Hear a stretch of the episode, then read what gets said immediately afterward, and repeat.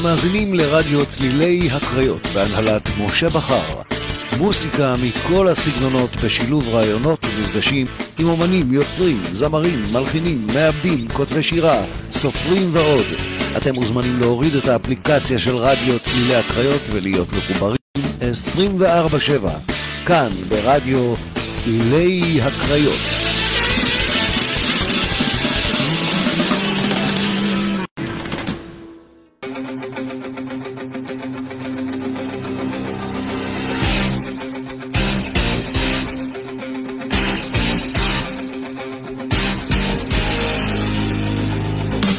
אתם מאזינים לשדרן והמרצה אסף בראל, איש הברזל, מייסד השיטה האדם שנולדת להיות. דרך חיים שלוקחת אתכם להצלחה בכל התחומים האישיים והעסקיים. בתוכנית תקבלו את כל הכלים הטובים ביותר כדי לאמן את הראש בדיוק כמו שלומדים לאמן את הגוף. תלמדו לקחת אחריות על החיים שלכם, להצליח ולכבוש כל פסגת חלום שאי פעם חלמתם. אל תשכחו, החיים שלנו קצובים בזמן נתון. תנצלו אותם כדי לחיות חיים מלאי הצלחות. האדם שנולדת להיות, עם אסף בראל, ברדיו צלילי הקריות.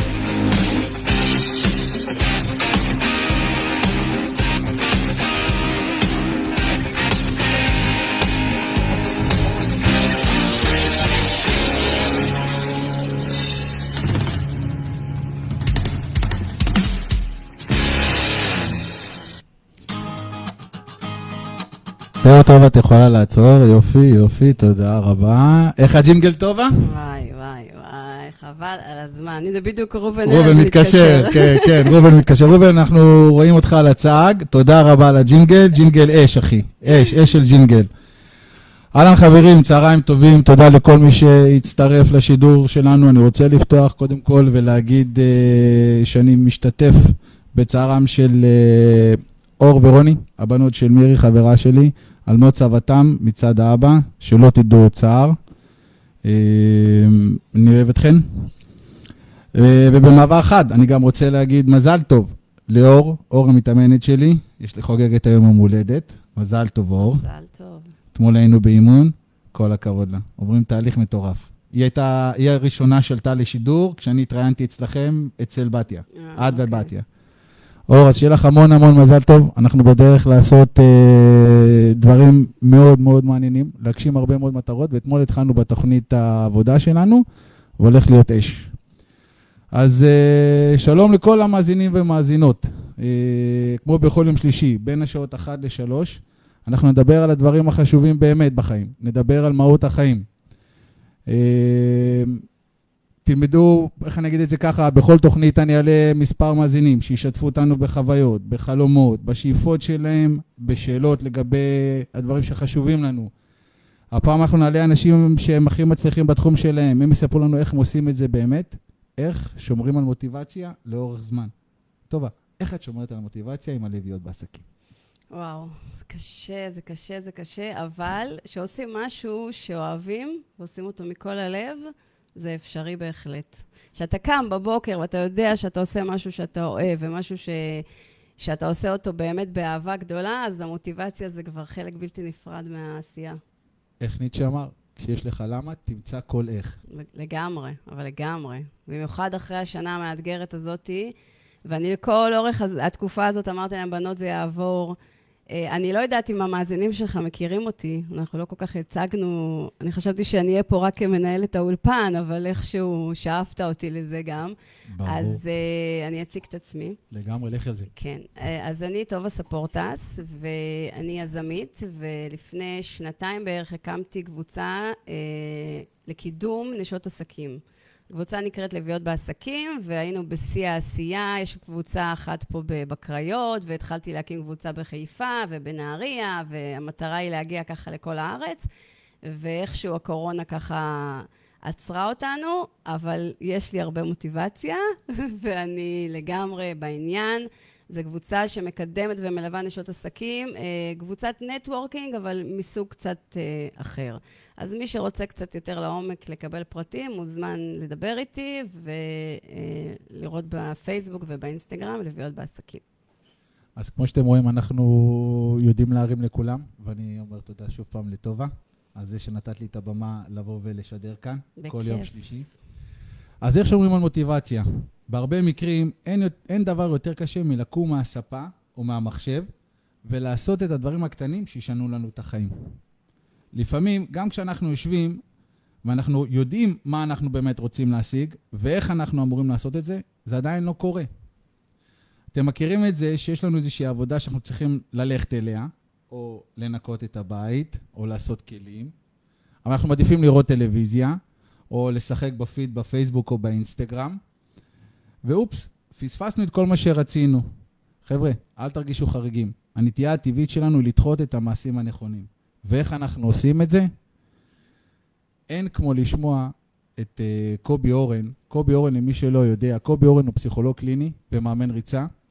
הוא נודע בזכות הישגים רבים שלו בריצות אולטרה מרתון בארץ ובעולם. אם אני עשיתי איש ברזל, קובי עשה 8,000 מרתונים, 9,000 אולטרה מרתונים, 20 מיליון קילומטרים יש לו ברגליים. אה, ועכשיו לרצינות, אורן זכה ברציפות במקום הראשון בשבע תחרויות אולטרה מרתון בינלאומיות מסוג ריצה רב-יומית. בשנת 2018 הוא סיים את מרוץ ה-3,100 מייל, שזה 5,000 קילומטר, בזמן של 46, 46 ימים ו-9 שעות ריצה. לקנא, מה אני אגיד? טוב, 46 ימים, רצוף, נשמה. רצוף. Uh, והוא הפך לרץ המסיים 42 של המרוץ ב-22 שנות קיומו. אבל לפני שנשמע את הרעיון עם קובי, אני רוצה לשים לכם את השיר של דודו טסה, אני רץ. אז אל תלכו לשום מקום, ואני אשמח שתרשמו מה אתם חושבים על השידור עד כה, גם אם אני קרוב למיקרופון, תרשמו שאני אדע עד כמה אני קרוב למיקרופון. אני בינתיים מקבל את זה בוואטסאפ, אז אני עוד לומד להיות במרחק הנכון מול המיקרופון. טוב, נגמר הקפה, אני זזתי את זה. טוב מאוד. ואנחנו הולכים לדודו טסה, ואחר כך הרעיון עם קובי אורן. אל תלכו לשום מקום.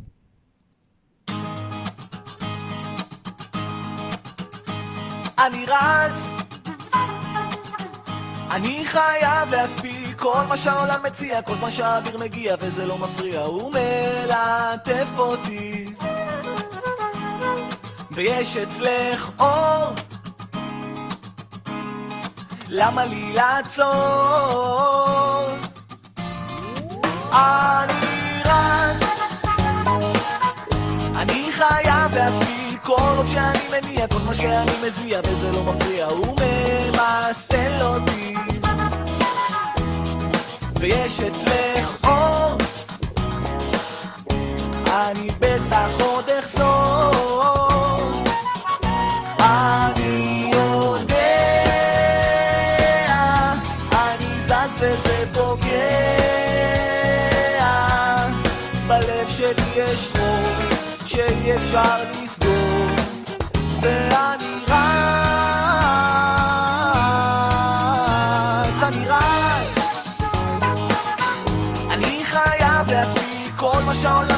כל מה שהאוויר מגיע וזה לא מפריע, הוא מלטף אותי. ויש אצלך אותי, את בטח תחכי. אני רץ, אני חייב להספיק כל מה שפורק את הזעם, כל מה שחלמנו פעם, כל דבר הוא מפנק אותי. אני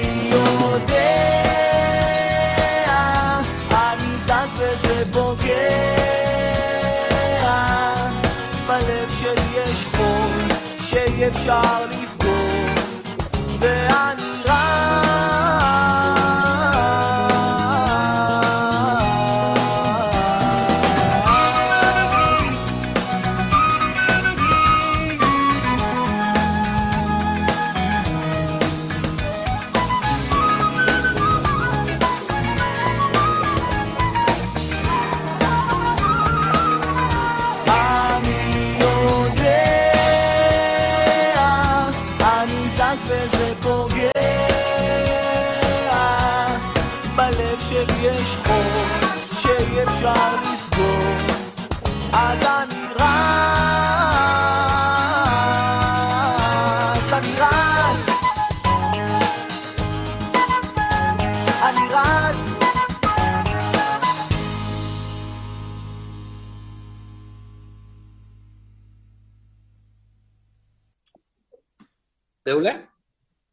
אהלן קובי, מה נשמע? בסדר גמור, מה שלומך? מצוין, לא, מת, לא מתלונן, לא מתלונן. אז ככה, קודם כל, תודה רבה שהסכמת לי, ל, להתארח בתוכנית שלי. בוא תספר לנו קצת על עצמך למי שלא מכיר אותך. אני פסיכולוג קליני מומחה מקריית טבעון, אני אבא לארבעה ילדים. אה, אני רץ מזה 33 שנה, זאת השנה לדעתי כבר 34. וואו. יש לי הרבה מאוד הישגים בריצה רב-יומית, אני יכול להסביר מה זה ריצה רב-יומית. ריצה רב-יומית זה לא ריצה על מרחק, זה ריצה שבה מנצח מי שרץ בפרק זמן נתון את המרחק הרב ביותר. למשל, נותנים לך שישה ימים, והמנצח רץ את המרחק הרב ביותר בשישה ימים. הוא יכול לאכול, לשתות, לעצור לישון, ללכת למקלחת, אבל בסופו של דבר זה שירוץ רוב הזמן הוא זה שינצח. אה, אני כבר מ-2013 מתחרה בחו"ל, ניצחתי עד היום תשע תחרויות של אולטרה מרתון רב-יומי ברחבי העולם, שההישגים היותר בולטים שלי זה ניצחון באליפות העולם אה, לעשרה ימים בניו יורק ב-2016, שם עשיתי 1,215 קילומטר בעשרה ימים. זהו. אה, בקטנה. ב-2018 השתתפתי במרוץ הארוך עלי אדמות, רצתי 46, ב-46 ימים 5,000 קילומטר, ואת שנת 2020 התחלתי בלרוץ ב-20 יום בדרום אפריקה, רצתי 2,130 קילומטר וניצחתי את התחרות.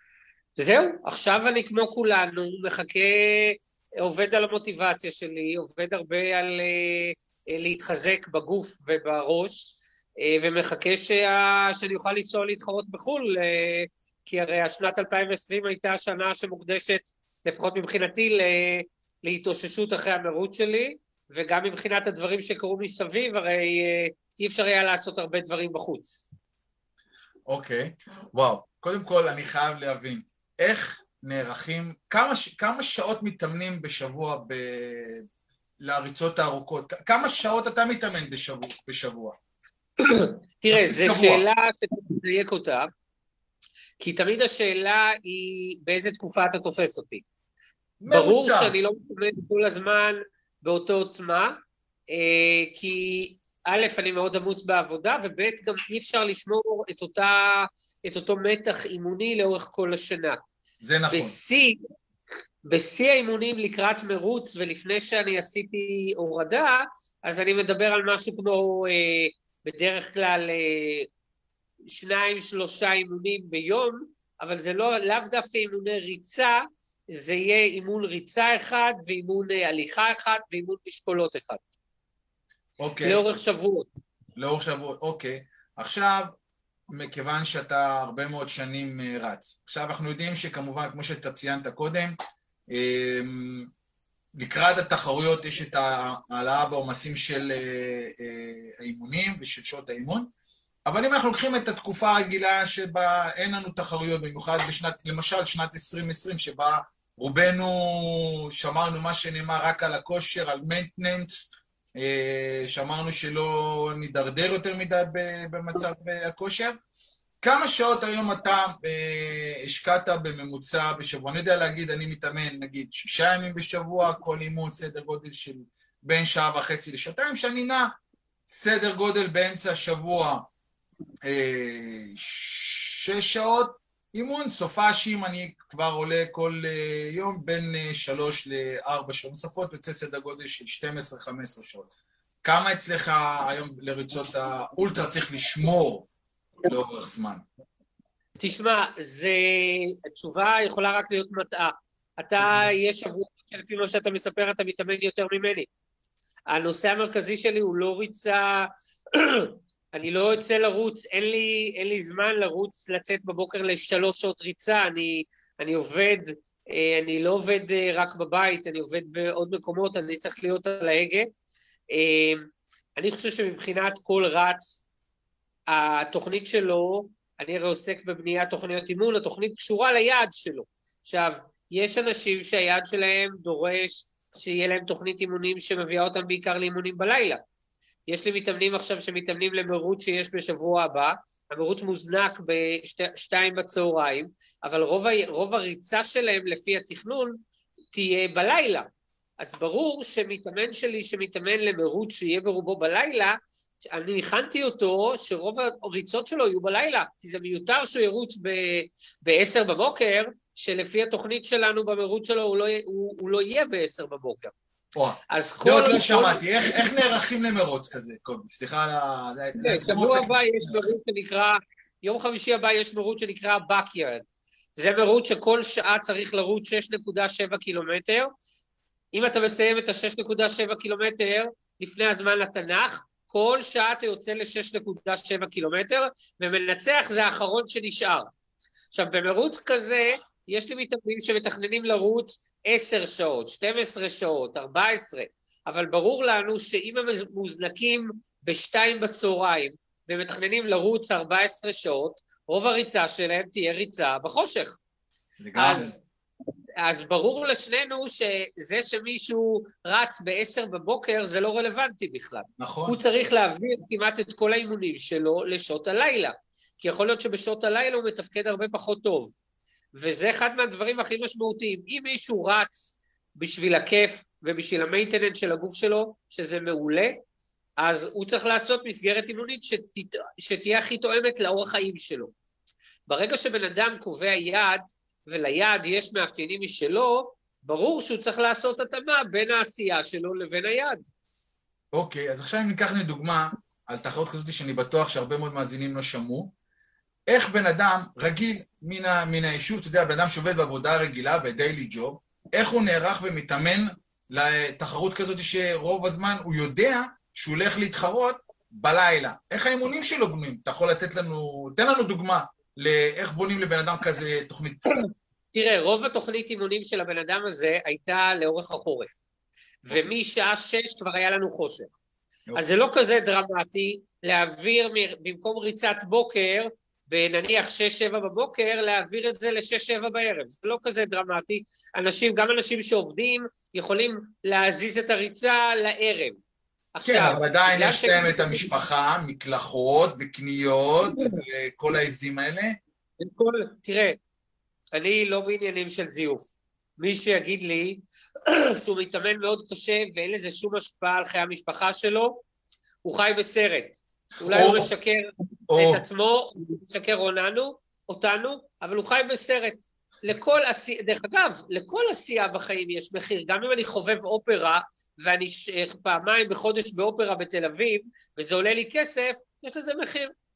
לספורט יש, יש כמובן לספורט גם רווחים מטורפים, אבל יש לזה מחיר.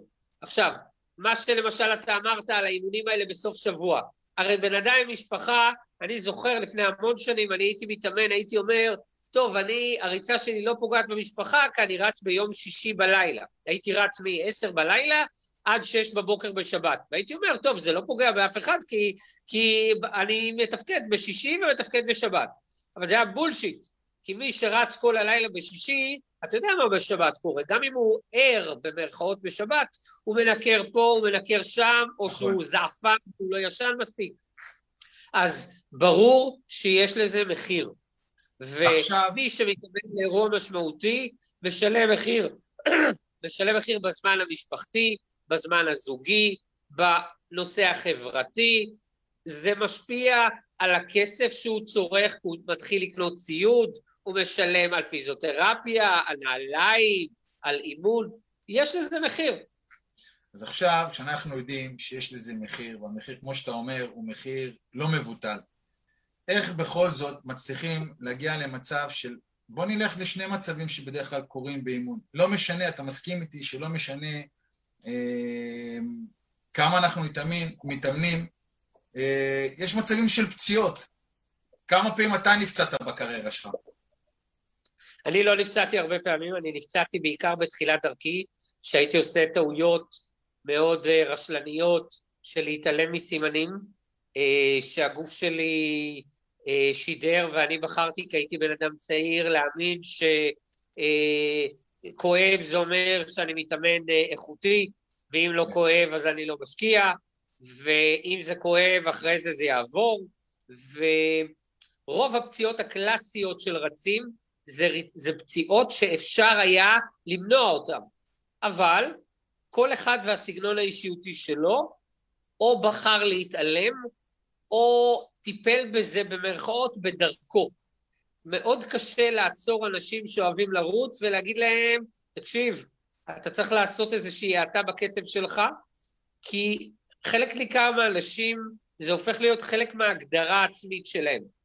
ואז בשביל רץ, שחלק ממי שהוא זה לרוץ, ואתה אומר לו, אתה לא רץ, הוא מרגיש כאילו אתה לוקח ממנו את הכרטיס ביקור האישיותי שלו. לגמרי. ולכן מאוד קשה להגיד לרצים, תוריד בעומס. ומה שקורה זה שרצים לא מורידים בעומס, זה כמו אדם שנדלקת לו נורה באוטו, והוא אומר, טוב, כנראה שהנורה מקולקלת. נותן מכה בדשבורד, זה יעבור. זה יעבור, או שהוא הולך אפילו למכונאי שלו ואומר לו, תקשיב, צריך לנטרל את הנורה הזאת, משהו לא תקין בה. נכון. ורצים עושים את זה באופן קלאסי, כי הם מתחילים ללכת לכל מיני רוקחים ולהשתמש במשככי כאבים. והם לא מבינים שאם יש כאב, זה אומר שמשהו פה צריך לבדוק מהו. נכון. ואז, ואז פתאום אני קורא כל מיני פוסטים בפייסבוק, שבן אדם במרכאות מגלה שיש לו פציעה משמעותית והוא מושבת לכמה חודשים. יכול להיות שאם היינו חוזרים אחורה שלושה חודשים, והוא היה מאט את הקצב לאיזה שבועיים, ועושה פיזיותרפיה, או מחליף מדרסים, או מחליף נעליים, או משנה משטח, יכול להיות שאם היינו חוזרים אחורה, בהאטה קלה של שבועיים, לא היה קורה כלום. אבל עכשיו שהגענו שוב פעם, כמו אוטו, שהיה לי נורה אדומה, נורה אדומה, נורה אדומה, והלך המנוע. ואיך עכשיו, אוקיי, אז עכשיו בוא, בוא נצא מנקודת הנחה, יש לנו פציעה.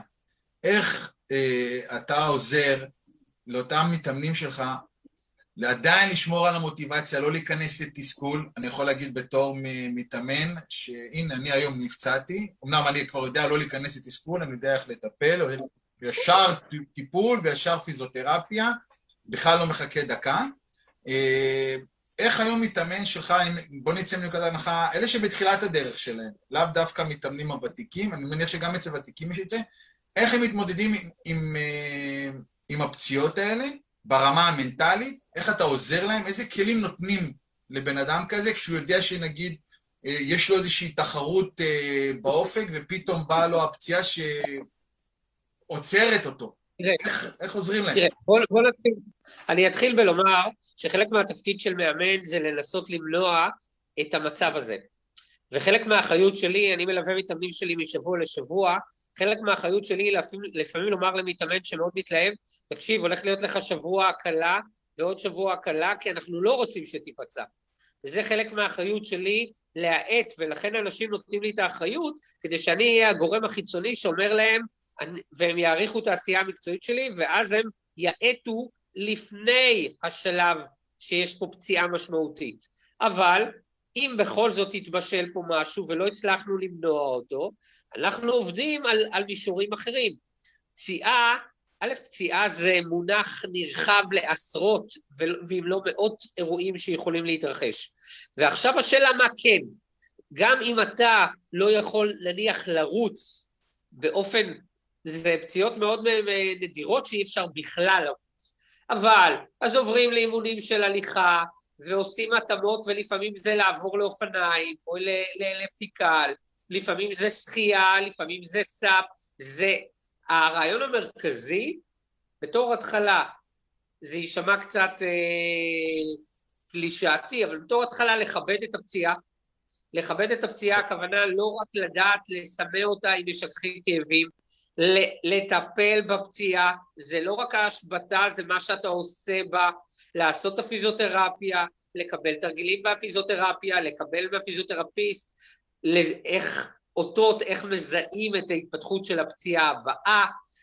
אדם חייב ללמוד מהפציעות שלו. פציעה זה כמו כל אירוע בחיים. אם אתה לא לומד איך מנהלים אותו, זה במרכאות ממשיך לקרות לך באופן מקרי ומפתיע. אבל אם אתה מזהה את זה, אז אתה יכול להוריד את הסיכוי להיפצע. אני לא אשקר לאף אחד, פציעות קורות לספורטאים. למה? כי אנחנו בני אדם. זה כמו רכב הכי טוב שאני אקנה, יכול להיות שמשהו ישתבש בו. נכון. גם אנחנו בני אדם, חלק ניכר ממי שמתחיל לעסוק בספורט, מתחיל לעסוק בגילי ה-20, 30 והקלאסי 40, והגוף שלו לא מתורגל, והרבה פעמים עולים מהר מדי בקצבים, ואז נפצעים. אז אם אתה שואל אותי בתור התחלה, אה, אם מישהו רוצה להיות אחראי, הוא צריך לקחת ליווי שישמור עליו. בפרט אם הוא מכיר את עצמו והוא יודע שהוא אימפולסיבי. אם אני יודע שאני מטבעי, שאני, לפעמים אני פוגש אנשים שאומרים, שאני נכנס לדבר, אני עושה אותו במאה אחוז, בדבקות, ב... אני אומר לעצמי, אוקיי, הוא כבר שם לי על השולחן את העובדה שאם אני לא אשמור עליו, הוא יעלה מהר מדי, נכון. מוקדם מדי, ואנחנו עוד איקס זמן הוא יתחיל לשאול אותי שאלות על פיזיותרפיסט. שאני, הדבר הכי גרוע שאני רואה מישהו של, שוב פעם, אני חוזר ואומר, אנשים נפצעים, אבל אם אנחנו, היו אותות ואנחנו זייפנו, אז זה רק פאק שלנו. סבבה. ועם כל זה לפעמים יש, יש פציעות, אתה יודע, עם כל זה שהתאמנו מדויק, לפי הספר, לפעמים, אתה יודע, שינה לא, לא מתוכננת שלא הייתה הכי במיטבה, ותזונה שנגיד קצת חרגנו אה, בשבוע, ויצאנו לאיזושהי ריצה או רכיבה, וקרה. עכשיו, אני לא מדבר על קריאה של שריר, אני לא מדבר על משהו נגיד אה, אה, אה, קשוח שמשבית לחודשים, אני מדבר על משהו שנגיד, אתה יודע, משבית אותך לשבוע, לשבועיים, יש לנו עכשיו תסכול, ואז איך אנחנו למעשה... בתור התחלה... מה זה? בתור התחלה, בתור התחלה, כן. עם מתאמן שלי, ובכלל, כשאנשים פונים אליי, אני אומר להם, אתה, אתה פצוע, זה חלק מה... אני בתור התחלה מנרמל את זה. נכון. זה אוקיי. חלק מהחיים, זה חלק מהמשחק של מי שמתעסק בספורט. עכשיו השאלה, איך אנחנו דואגים שהתקופה הזאת שאתה פצוע היא לא תקופה שאמורה להיות שבועיים שלושה והופכת לתקופה של חצי שנה. יש אנשים שאיך שהם מקבלים את האמירה מהאורתופד או מהפיזיותרפית שהם צריכים לנוח, אז הם מרפים בכל החזיתות. זאת אומרת, הם מתחילים, הם בכלל מפסיקים ספורט. זאת אומרת, תראה, זה שאני לא יכול לרוץ, זה לא אומר שאני לא יכול ללכת לחדר כושר. לא בהכרח. זה לא בהכרח אומר שאני לא יכול בחדר כושר לעשות אופניים, או אלפטיקל, או מכשיר חתירה. במילים אחרות, אני יכול להגיד לעצמי, אוקיי, אני לא יכול לרוץ עכשיו, אבל אני יכול, במקום עכשיו, רצתי חמש פעמים בשבוע, וקיבלתי מהאורתופד הנחיות, ואני יכול ללכת לחדר כושר ארבע פעמים בשבוע. אוקיי, ואז עוד שבועיים... משהו אחר. אנחנו נותנים משהו אחר. שלא, נכון, כי אם אני מרפה בכל החזיתות, ואז כשאני חוזר לרוץ, אני כבר עם שתיים וחצי, שלוש קילו עודף, וגם את הגוף הזנחתי, ולא עשיתי שום דבר אירובי, יכול להיות שאני בניתי את התיק לפציעה הבאה, שהיא תהיה פציעה עוד יותר קשה.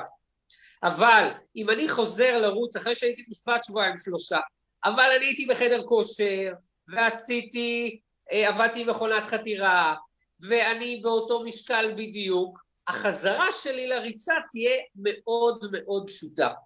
אוקיי, קודם כל תודה רבה, יופי של uh, טיפים. עכשיו שאלה, סיפרת לנו בתחילת הראיון שאתה מעל 30 שנה כבר בעולם הריצה. נכון. שומרים על מוטיבציה לרוץ 30 שנה? מה הסוד? תראה, אה, התשובה מורכבת. קודם כל, אני לא חושב, מוטיבציה, בראייה שלי, היא לא משהו יציב. היו תקופות שבהן אני הייתי, אה, למדתי, והאנרגיות שלי ממש לא היו בתחום של ספורט, ואז היית מדבר איתי והייתי אומר לך שאני רץ שלוש פעמים בשבוע, אה, חצי שעה, והיו תקופות שרצתי דווקא, היה לי מאוד קשה בלימודים ורצתי שבע פעמים בשבוע, שעתיים. אני חושב שצריך לזכור שמוטיבציה היא לא כוח רציף, שהיא הרבה פעמים באה בגלים. צריך להבין שיש אירועים בחיים שברור שהאנרגיות שלך צריכה, צריכה להיות... אני זוכר שהילדים שלי נולדו, לא היה לי שמץ של אנרגיה לצאת לרוץ, אני הייתי עייף, הייתי רעב, לא התקלחתי כמו שצריך. צריך לזכור גם, ריצה היא חלק ממי שאני, אבל אני זוכר שהיא מצד אחד מאוד מרכזית, מצד שני יש, יש לי חיים ויש לי משפחה ויש לי עבודה. אני חושב שכל אדם שנכנס לתחום של ריצה, צריך לדעת כמה הוא מחויב לה. והוא צריך לשים לב שאין מצב, שאין מצב שמשהו משתבש פה והריצה הופכת ל... דרך אגב, מה שאני אומר על ריצה נכון על כל דבר. בן אדם מתחיל לאסוף בולים, פתאום הוא מגלה, פתאום במרכאות הוא מגלה שהוא מוציא כל חודש עשרת אלפים שקל ושש שעות יומיות על בולים, אז משהו פה השתבש ויש לנו כבר דפוסים של התמכרות. אתה צריך להסתכל ולזכות להיות מספיק קשוב לסביבה שלך, כדי לראות האם הדבר הזה, איזה מימד הוא לוקח. תראה, העיסוק שלי בריצה, אני גם שמתי לב לאורך השנים, אני כל הזמן עשיתי ניטור איך הוא משפיע על המשפחה שלי, האם, כמה הוא לוקח, ושוב פעם אני אמרתי, אנחנו לא מזייפים, יש לזה מחיר, אבל אני גם ראיתי שהילדים שלי רואים את האורח חיים שלי, והם לוקחים ממנו, דרך אגב, הילדים שלי לא לקחו ממנו ישירות את הנושא של ריצה, אבל יש לנו המון שיחות על הנושא של מוטיבציה, והנושא למשל, של תשוקה. למשל? הנושא של תשוקה, שילד רואה שלהורה שלו יש תשוקה שהוא מושקע בה, זה משהו שהוא אומר לעצמו, הלוואי וגם לי יהיה משהו של תשוקה. איך אני מוצא את התשוקה שלי? איך אני מוציא את המחויבות שלי? איך אתה, איך אתה מלמד אותם? איך אתה מלמד אותם למצוא את התשוקה שלהם? לא צריך ללמד, ילד רואה. Okay. אוקיי. והילדים שלי למשל מאוד אוהבים ספורט, הבנות שלי היו שתיהן לאורך שנים בשחייה, עכשיו הם יותר בתנועות נוער, אבל הם, הם ראו את המוטיבציה שלי, והם מצאו והם מחפשות, הן מבינות שבן אדם, חלק מהייעוד שלו בחיים זה למצוא את המקום שבו יש לו פשן. והמקום הזה, דרך אגב, שוב פעם, בכלל לא חייב להיות בספורט. אני חושב שהמסע שלנו הוא למצוא את המשמעות שלנו, למצוא איפה יש לנו את האנרגיות. ברגע שאנחנו מוצאים את התשוקה הזאת שלנו, בכל דבר יהיה יותר פשוט לשמר מוטיבציה. דרך אגב, אתה שאלת מוטיבציה וריצה, הרבה פעמים אנשים באים אליי ואומרים, אני חושב שאני רוצה לרוץ, ואנחנו מגלים שריצה וזה בכלל לא הספורט שלהם. אף אחד לא, מי אמר שריצה מתאים לכולם? לא, ריצה יש אנשים שצריכים להתעסק, יש אנשים שהספורט שלהם זה שחייה, כדורשת, כדורסל, מי אמר שריצה זה טרנדי? עכשיו זה כאילו יותר הטרנד, אבל הטרנד הזה לא מתאים לכולם. ושוב פעם, אני לא מיסיונר של ריצה, אני מיסיונר של מציאת ה passion שלך, ואני מיסיונר של אורח חיים ברמה ספורטיבית שישמור עליך, כי אנחנו בתקופה שאורח החיים שלנו בקלילות יכול להיות מנוון. אוקיי, okay. ואיך היום אמ, כשמתאמן מגיע למצב שהוא שחוק, הוא כבר נגיד מעל שלוש שנים בתחום בריצה, ו... אמ, שחיקה לחומר, אוקיי? הוא, מה שנאמר, לקראת המיצוי של העולם, איך אתה מייעץ לו בכל זאת לגלות מחדש את, ה, את התשוקה, כמו שאמרת? איך אה, בכל זאת, אתה יודע, אני לא רואה את זה, אני לא רואה את זה כשחיקה זה משהו שהוא נבנה. ואני חושב שהבן אדם צריך לחפש מראש ליצור מנגנונים שהם מנגנונים אנטי שחיקה.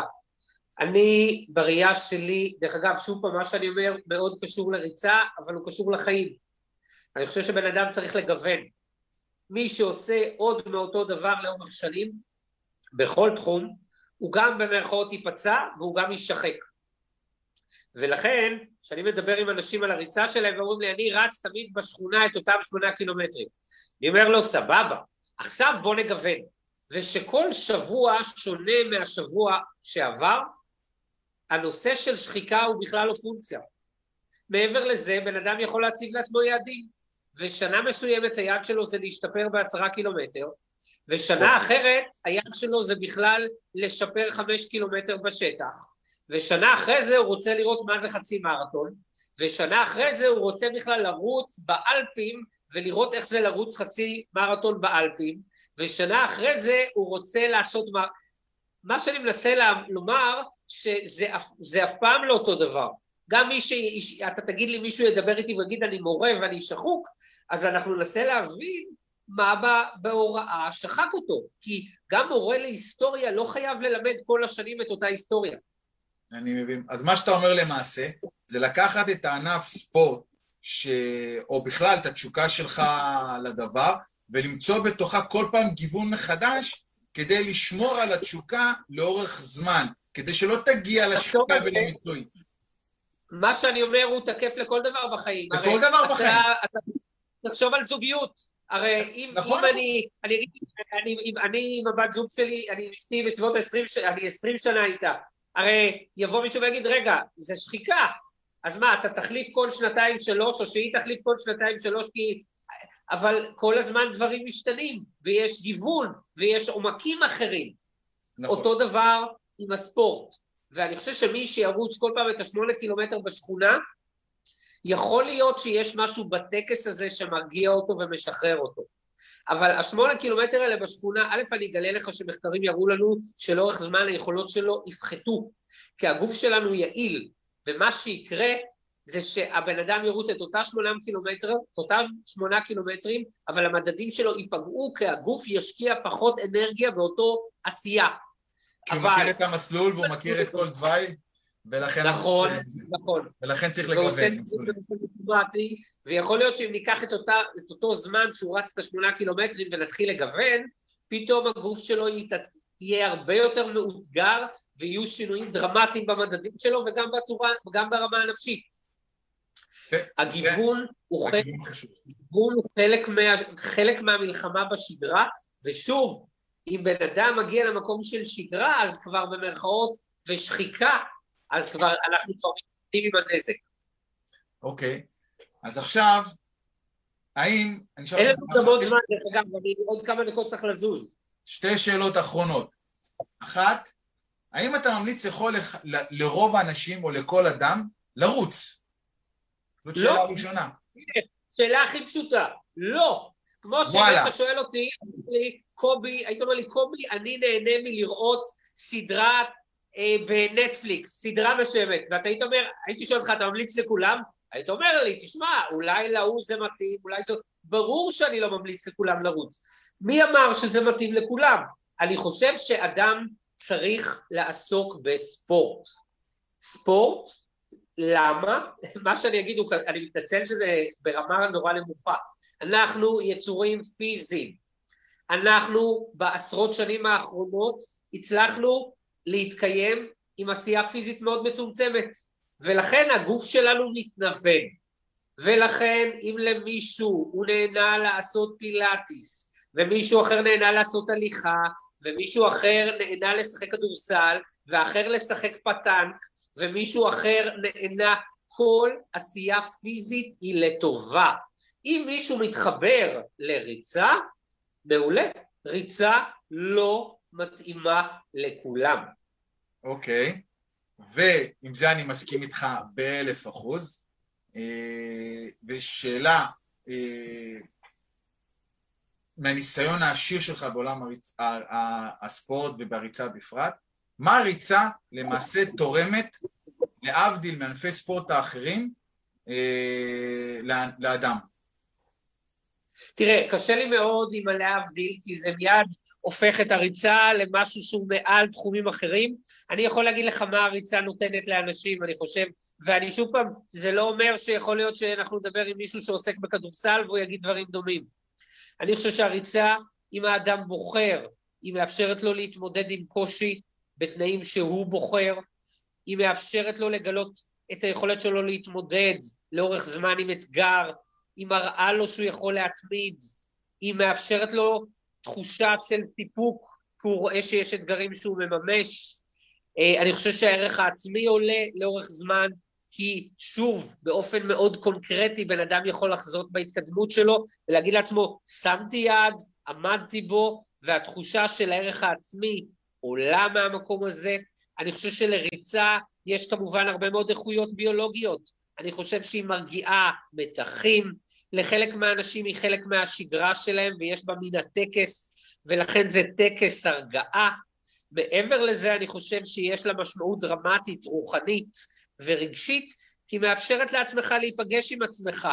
ובמקום הזה, אם אתה מאפשר לעצמך להיכנס יותר לעומק בריצה, אז אתה יכול לגלות את עצמך. דרך אגב, לפעמים אתה מגלה דברים לא נחמדים בכלל. אבל זה אתה פוגש אני מסכים, אני מסכים עם כל מה שאמרת עד עכשיו, ובפרט עם המשפט האחרון, בהחלט בריצה אנחנו לומדים לגלות על עצמנו את הדברים הנעימים יותר ואת הדברים הנעימים פחות, ולומדים להתמודד איתם, וזה לגיטימי. אז קובי, לסיום, משפט אחרון שלך, תן לנו את הטיפ הזהב שלך לשמירה על מוטיבציה?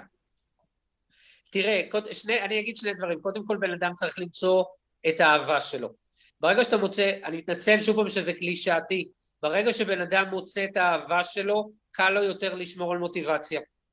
ולכן, אם אנחנו דיברנו על ספורט, אם מישהו יגיד לי, אני ניסיתי זה וניסיתי זה, אם זה לא בא לך, זה לא זה.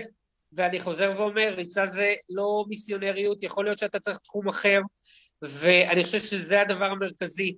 והדבר השני שקשור למוטיבציה, אני לא מזמן אפילו כתבתי על זה, מוטיבציה זה כמו להדליק אש. צריך לעשות, להתחיל בקטן. אתה לא מתחיל מדורה מ-40 בולי עץ. אתה מתחיל מדורה מכמה זרדים וגפרורים וקצת נייר. וגם מוטיבציה, ואם מישהו רוצה להתחיל לרוץ, הוא לא צריך להתחיל לרוץ עשרה קילומטרים או חמישה קילומטרים, הוא צריך להתחיל לרוץ שלוש דקות לרוץ, שתי דקות ללכת, שלוש דקות לרוץ, שתי דקות ללכת, והעשר דקות האלה שתיארתי, זה ההתחלה, ככה בונים מוטיבציה, ככה בונים רעב. ומי שעשה שלוש, שתיים, שלוש, שתיים, ואחרי זה אומר, וואלה, בא לי עוד, אז זה, כך בונים דברים. אתה בונה משהו לאט, והוא נשאר איתך לאורך שנים. אתה בונה משהו מהר מאוד, וזה נופל מהר מאוד. אוקיי. Okay. תודה רבה רבה רבה, קובי. נהניתי מאוד לארח אותך, החכמתי מאוד. תודה רבה, שיהיה לך בהצלחה. תודה רבה. להתראות, קובי. טובה. אז מה את אומרת? קודם כל, אני קיבלתי אישור מקובי שאני לא חייבת לאהוב את זה, אז לא ללחוץ עליי בבקשה. ואהבתי את הטיפ האחרון לגבי השתי דקות ריצה, שתי דקות הליכה, אני מוכנה לנסות את זה. חבר'ה, שמעתם? בתיה, אם את מאזינה לנו, יש פה איזושהי, מש, איזושהי התחלה. היא מוכנה בשתיים-שלוש. מתחילים בקטן, נכון. ומשם מגדלים. אז אה, שוב, תודה לקובי. אה, תודה לכל מי שצפה ברעיון. כן, הרעיון היה בהחלט מוקלט. הוא קצת היה... נסחפנו ממנו, תכננו לעשות 15 אה, דקות, אבל גם אני וגם קובי נסחפנו לחצי שעה, ואני יכול להגיד לכם שאם לא היו... אם הוא לא היה עוצר אותי, הייתי יכול להישאר איתו גם עוד שעה וחצי ולשאוב ממנו ולינוק ממנו מידע. הבחור עשיר בידע, בספורט, במוטיבציה, בנחישות, בהתמדה. עשיר בהרבה מאוד ידע, יש הרבה מאוד מה ללמוד ממנו. אה, אתם מוזמנים לעקוב אחריו בפייסבוק ובאינסטגרם, יש בו הרבה מאוד מה ללמוד.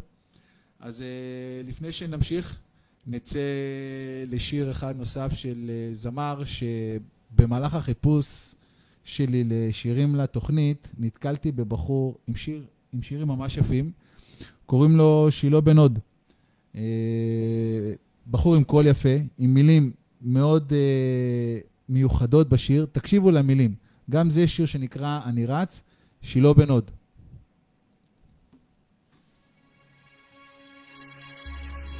אני שוכח את אשר מאחוריי ורץ קדימה אל מה שלפניי.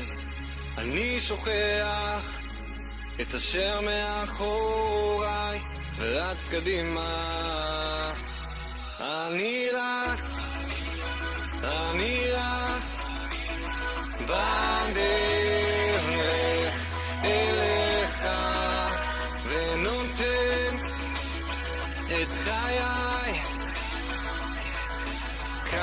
קח אותם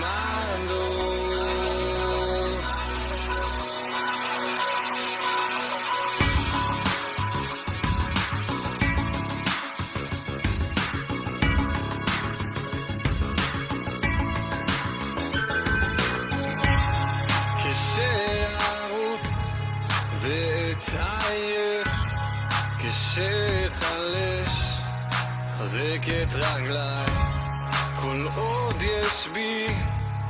את נשמתי אמשיך לרוץ בכל כוחי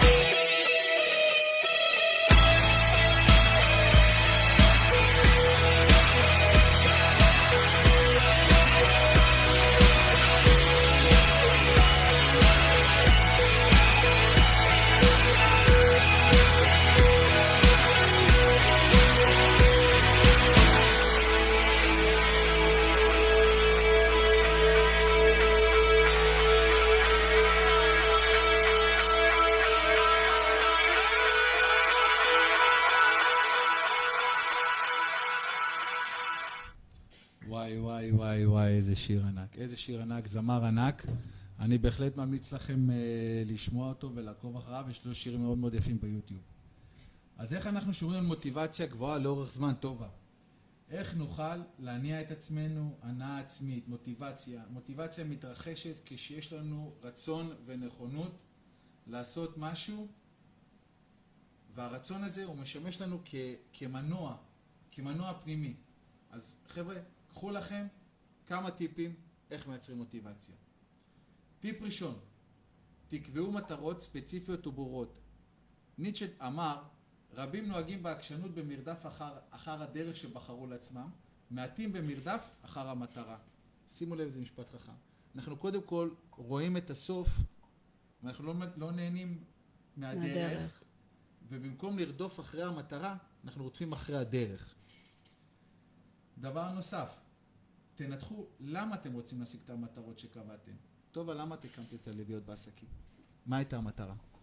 אה, זה התחיל מצורך אישי שלי בעצם, שחיפשתי מסגרת, חיפשתי מישהי, מישהו שיבין אותי, שיזדהה איתי, שיצעד איתי ביחד. חלק, אני חושבת, גדול ממוטיבציה, אני לא יודעת אם זה רשום באחד מהטיפים שלך, זה להרגיש שייך. אה, לדעת שאתה, עכשיו אתה עושה לי שטיפות מוח עם הריצה, ריצה, ריצה, ריצה, אז אני מקבלת מוטיבציה מזה גם. אבל השייכות-. השייכות, ההרגשה של להיות חלק מקבוצה, הדרייב הזה שאנחנו נותנות אחת לשנייה, הלראות שהיא מצליחה, אז למה גם אני לא, אני גם יכולה, אני רואה שהיא עושה את זה, אז למה אני לא יכולה לעשות את זה בעצם? זה נותן לי מוטיבציה. זה חלק מהמהות של להיות שייכת לקבוצה, או בכלל, להיות שייך לקבוצה. את תחרותית? כן. מה רע בזה? לא רע, אני לא רואה בזה זה שום מצוין, דבר רע. ככה מגיעים להישגים. נכון, לגמרי. יפה. הטיפ, טיפ נוסף, זהו את הצורך ואת המשמעות. אז הנה, דיברת על שייכות, זאת המשמעות שלך. זאת המשמעות שלך, איך את מייצרת מוטיבציה. אני יכול להגיד לכם שאני באופן אישי מייצר מוטיבציה, אני שומר על כמות אימונים לא טריוויאלית, שישה אימונים בשבוע, ולי אין תחרות אה, אה, באופק. הייתה אמורה להיות לי תחרות באוגוסט אה, בקזחסטן, היא נדחתה שנה שעברה. ואני לא יודע אם היא תהיה השנה, בגלל הקורונה. ו... ולמרות שאני לא יודע אם אני אעשה את התחרות, כרגע זה לא נראה ככה, אני עדיין שומר על אה, אינטנסיביות של אימונים, מהטעם הפשוט שאם אני יודע שאני אצליח לרוץ, לעשות את המרחקים הקבועים האלה באופן קבוע לאורך הרבה מאוד שעות, אה, ואני אמשיך לעלות על הטריינר ו... ולא אתבכיין שאין לי כוח ואין לי חשק, אני יודע שבאמצעות המקומות האלה אני למעשה אצליח להשיג כל דבר. ואחד מהדברים שאתה, אני לומד על עצמי, זה שכשאני מוצא לעצמי סיבה מספיק חזקה לעשות משהו, אם אני עכשיו ב- בבנייה של המותג הזה עצמי, את המותג, האדם שנולדת להיות, אם- אז אחד מהדברים שאני בהם, אה, במקומות והזמנים שבהם אני חושב על רעיונות, איך לבנות את המותג, איך לייצר תוכן, מה ליצוק לתוך הת- התהליך הזה, זה הזמן שלי עם עצמי, ואני מוצא אותו בריצה, אני לא רץ אה, עם טלפון, אני רץ אה, בלי כלום, לבד. אה, גם בלי מוזיקה? בלי מוזיקה, בלי כלום. יש לי מוזיקה בשעון, בלי אוזניות, לא משתמש בשום אביזר, זה רק אני. וכמו שקובי אמר, אני אחבר אתכם למה שקובי אמר, אה, אנחנו לומדים לגלות על עצמנו בריצה הרבה מאוד דברים. אה, ואני יכול להגיד לכם שבריצה יש הרבה מאוד שדים שצצים ומושכים אותנו לאחור. אומרים לנו לעצור, אה, ואומרים לנו אה, להפסיק, ומי שלמעשה מצליח לשמור את זה לאורך זמן, הוא למעשה מצליח גם אה, בעסקים. הרי אה, תסתכלו על כל היזמים הכי גדולים, תראו את אה, מייסד אה, Alibaba, אה, ג'ק מא, הבן אדם שלוש שנים לא הכניס שקל, ניסה להתקבל ל Kentucky Fried Chicken בעיר שלו באיזה חור ב- בסין. מתוך אה, 25 אנשים הוא היחידי שלא התקבל. הבן אדם, באמת, סיפור אמיתי, חבר'ה, אתם יכולים לעקוב, להסתכל בגוגל, סיפור אמיתי לגמרי. הוא אפילו ניסה להתקבל כמה פעמים להרווארד, עשר פעמים הוא נכשל בהגשת בקשה. הוא ניסה להתקבל למשטרה, גם משם הוא נדחה. באמת, לא בשביל משהו, זה מדהים לראות. הוא נראה הכי אורדינרי בעולם, כאילו מסתכלים על תמונה שלו שהיא לא קשורה לכלום, בחיים לא תאמיני שהבן אדם הזה, עד נכון לפני כמה חודשים, הוא היה הש- הבן אדם הכי עשיר בסין, אוקיי? מייסד עליבאבא, ג'ק מה. אה, ונמשיך. איך עוד אנחנו שומרים מוטיבציה? להכין תוכנית מפורטת למטרות שלנו. בתיה, יש לך תוכנית עסקית? טובה. טובה, למה בתיה? בתיה, סליחה, בתיה, סליחה. טובה. לא, זה לא... זה מחמאה דווקא. אה, אם יש לי תוכנית, אה, היו לי הרבה תוכניות, אבל אה, אני עכשיו עושה קצת אתחול מחדש בגלל השנה המאתגרת הזאת שעברנו, ואני כל הזמן בעשייה. אני בעשייה, בעשייה, בעשייה, עד שאני... הראש כל הזמן חושב. ואני חושבת ש... אני כל הזמן, מה שאתה אומר גם, אה, אני לא מונעת מהקטע של הכסף, זה לא מה שמניע אותי. אני מונעת מדברים שאני רוצה לעשות ורוצה להשיג, ו, ואני מאמינה שבסוף אה, המטרה העיקרית שלי אה, תתקיים, שהיא בעצם אה, לעזור לאנשי עסקים. זה הכי חשוב לי. אנחנו יודעים שזה בדרך. תגידי כן. זה בדרך. זה זה בדרך, בדרך, זה. לגמרי שם. חברים, כדי להצליח, בונים תוכנית, קובעים מטרת אב, מתוך המטרת אב, לאן אנחנו רוצים להגיע, אנחנו עושים נגזרות, שמים סוכריות בדרך, כדי שזה יעזור לנו למעשה אה, לעמוד במטרה הגדולה. עקב בצד אגודל, מגיעים למטרה הגדולה, מתחילים מלמעלה וגוזרים לאחורנית, וזה לא משנה איזה מטרה. ככל שהמטרה תהיה יותר גדולה, ככה ההצלחה אליה תהיה יותר אה, חזקה. אה, טיפ נוסף, התמקדו בתוצאות הסופיות. אני אתן לכם דוגמה אה, משבוע שעבר, אפרופו אימונים. איך הגעתי למעשה לקובי אורן ולדוב צור שאוטוטו הוא יעלה לשידור, דוב צור הוא ראש עיריית ראשון לציון לשעבר. הוא יספר לנו דברים שלא חשבתם שהוא יספר לנו עליהם. בקיצור, אז אני תוך כדי אימון על ה trainer, יושב, יושב על האופניים טובה, שעה ו... ואני אומר לעצמי, מי אני הולך להביא לשידור שבוע הבא? אז הדופק, אה, זה היה אימון אינטרוולים, הדופק אה, מטפס אה, כל איזה כמה דקות לסביבות ה-180, 170, 180, 150, 170, 180, וסחרחורות והדופק הגבוה, ומה אני עושה, ומה אני פה, ומה אני שם.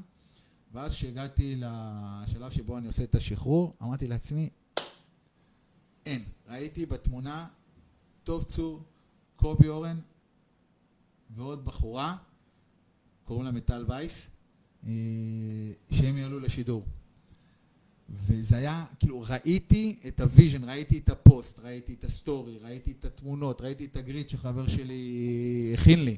ראיתי את זה מול העיניים, ראיתי את זה קורה, ותוך כדי השחרור אני מסמס, אה, מסמס אליהם, אה, בתקווה שהם יענו לי, שכל לי טוב, ככה זה היה.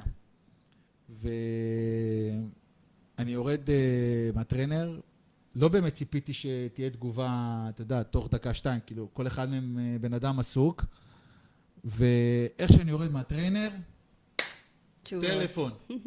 טלפון מדוב, אני כזה... וואלה. תן לסדר דופק. רגע, שנייה, רגע, מה קורה? רגע, לא הייתי מוכן לזה, אני כאילו בהכנה, בהכנה של ה-SMS, אהלן וזה וזה, אני אשמח אם יהיה לך מתישהו שעה רגע, אם תהיה בעוד שעה פנוי לדבר, אתה יודע, פתאום אני מסיים, טאק טלפון, אז כזה אה, לא מוכן, ואני כאילו, רגע, צריך עכשיו להכין את ה... היה לי כאילו ספיץ', וזה פתאום לא היה, אבל זה יצא החוצה, ואז הוא אמר לי, כן, בטח, אין בעיה. אז אה, דוב, תודה רבה, עוד מעט נעלה אותך לשידור. וקובי, ב... כמו ששמתי לב בנונשלנטיות הטבעית והמדהימה שלו, אמר, אה, כן, בטח, אין בעיה, דבר איתי ברבע לארבע ו... ונקבע. אז כן, התקשרתי אליו, אמר, כן, בטח, בשמחה, אין שום בעיה. אה, בוא נקבע, קבענו יום למחרת, ולכן הרעיון המוקלט, כי בימי שלישי הוא אה, מלווה מספר אנשים, ולכן הוא לא היה פנוי לעלות בשידור חי, ולכן הרעיון היה מוקלט. והוא קצת התארך ממה שתכננו. תודה שוב, קובי, על הזמן. אה, אז כן, ברגע שאתם רואים את המטרה שלכם ואתם רואים לאן אתם רוצים להגיע, זה קורה. זה תכלס לי קורה. זה, כמו שתיארת את זה, ככה קורה לי כל דבר. אני חושבת על משהו, אני מאבדת את זה, ואני פשוט מזמנת את זה, וזה קורה, אין מה לעשות. אז צריך להחליט שאתה רוצה משהו. אם אני מחליטה שאני רוצה, רוצה משהו, אני עושה את הכל כדי שזה יקרה. אין פה חוכמות. רק ככה זה עובד. רק ככה זה עובד. טיפ נוסף, אה, עקבו אחרי ההתקדמות שלכם. אז כמו שדיברת, ברגע שמכינים תוכנית, אתם יכולים לציין, אבני הדרך. ברגע שאנחנו מציינים אבני דרך, אנחנו רואים את ההתקדמות שלנו. ולמה אני תמיד אה, מגביל את התוכנית אה, ואת הדרך שבה אני מאמן אנשים לריצה? מהטעם הפשוט, כשאנחנו רצים, אז אנחנו רואים את ההתקדמות שאנחנו מתחילים בשתי דקות, שלוש דקות, יש כאלה שמתחילים גם בעשר שניות, טובה. היו לי מתאמנות שהתחילו בעשר שניות ריצה, אה, שלוש דקות הליכה, עשר שניות ריצה. עשר שניות ריצה. קצת משפיל. תשמעי, לא כולם מתחילות לרוץ, לא כולם, לא כולם לא, מתחילים. אתה אומר לי עשר שניות לרוץ, אז אני אפילו עוד לא מתחילה לרוץ, זה כבר... אה, עברו עשר שניות, אבל תעשי את זה כמה פעמים. אוקיי. זה. כמה פעמים, עושים את זה כמה פעמים. אה, וכן, וחלק רצו חמישה קילומטר, וחלק רצו שישה קילומטר, וחלק הגיעו לעשרה קילומטרים רצוף. אז כן, זה קורה. אה, אז כמו שקובי אמר, מתחילים מהזרדים, ואז מדליקים את המדורה הגדולה. לגמרי זה הכל בראש. אני חושבת שמי שרוצה באמת משהו, הכל אפשרי. זה לא משהו שבכלל אפשר להתווכח איתו. ולכן אנחנו עוברים לטיפ האחד לפני האחרון. הזכירו לעצמכם למה אתם באמת עושים את זה. נכון, לגמרי. אני יודע להגיד שאני... אה, לא היה מתוכנן התהליך הזה פה לבוא לרעיון, זה פתאום קרה out of the blue דרך בתיה שחיברה אותי אלייך. אה, ואז באתי לרעיון, זה היה הכי לא מתוכנן, לא צפוי, לא כתוב בתוכנית העסקית שלי, ויש לי תוכנית עסקית. אה, מפה לשם התגלגלנו, ואז ראיתי שזה נעים, ואז באתי להתחיל להציע לכם בכלל פינה בתוכנית שלכם. אה, לא הספקתי להגיד לפינה, ואז ניתנה לי ההזדמנות. אין בעיה, מה... אתה רוצה תוכנית? בוא, אין בעיה. ואני, כמו שהרבה מאוד אנשים מכירים אותי, אני קופץ למים. ו- לגמרי קפצת למים. לעמוקים. אני קופץ למים, מקסימום נעזרים במצופים, אבל תמיד אה, שוחים. אה, וצריך לדעת לצוף וצריך לדעת לשחות במים, של, במים העמוקים, במים של הגדולים. אם אתם רוצים להצליח, חברים, קופצים למים. אה, והטיפ האחרון, יש עוד כמובן באמת עשרות טיפים, אבל אלה ה top 8 שלי, אה, לשמור על גישה חיובית ולהיות אופטימי. תמיד להסתכל על החצי כוס המלאה, כי מי שחיובי ומי שאופטימי, אני מבטיח לכם שדברים טובים קורים, אם ולמרות כל הבמפרים שלנו בחיים אה, וכל המכשולים, זה הכל זמני. ואם אנחנו ניתן להם את המקום, אה, מקום גדול מדי, ואנחנו נתעסק רק בבמפרים, אנחנו לא נצליח לעבור אותם. ואני יכול להגיד לכם ששוב, זה כמו בעולם הריצה, ישנה, ובעולם בכלל עולם הספורט, בואו נשים רגע את הריצה אפילו בצד, בעולם הספורט אין ספורטאי עלי אדמות שלא נפצע, מהקטנים ועד ה top talent, כולם נפצעים. ואם היו חושבים לרגע שהם לא יחזרו למגרש, אז הם לא היו בענף שלהם, והם לא היו מוצלחים. אז חברים, יש פציעות, שזה כמו כל תקלה בתוכנית שאנחנו בונים, זה קורה. צריך להיות מוכנים לכל דבר, גם בכל תוכנית עסקים יש בצם, כי אנחנו יודעים שגם כשאנחנו רוצים לבנות כל בניין או כל שכונה, יש תקלות. לא תמיד זה קורה לפי התוכנית, אבל אנחנו מכינים את עצמנו מראש. ואם אנחנו שומרים על גישה חיובית ואנחנו אופטימיים, אנחנו לגמרי, לגמרי, לגמרי נגשים את מה שאנחנו רוצים. אז לפני שנעלה את המאזין השלישי שלנו, את דוב, אני רוצה להשמיע לכם את השיר השלישי של אה, דני רובס. אה, משהו חדש מתחיל. אל תלכו לשום מקום, אנחנו כבר חוזרים.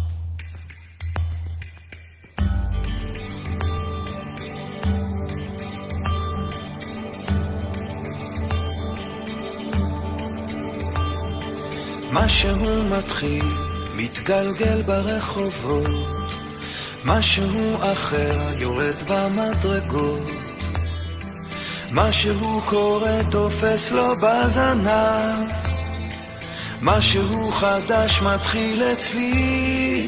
עכשיו, מישהו מוכר עומד ומסתכל, אמצע הרחוב ומישהו אוכל. כמה רעשים הופכים כבר למקצת. משהו חדש מתחיל אצלי. עכשיו דברים קורים תמיד בזמן נכון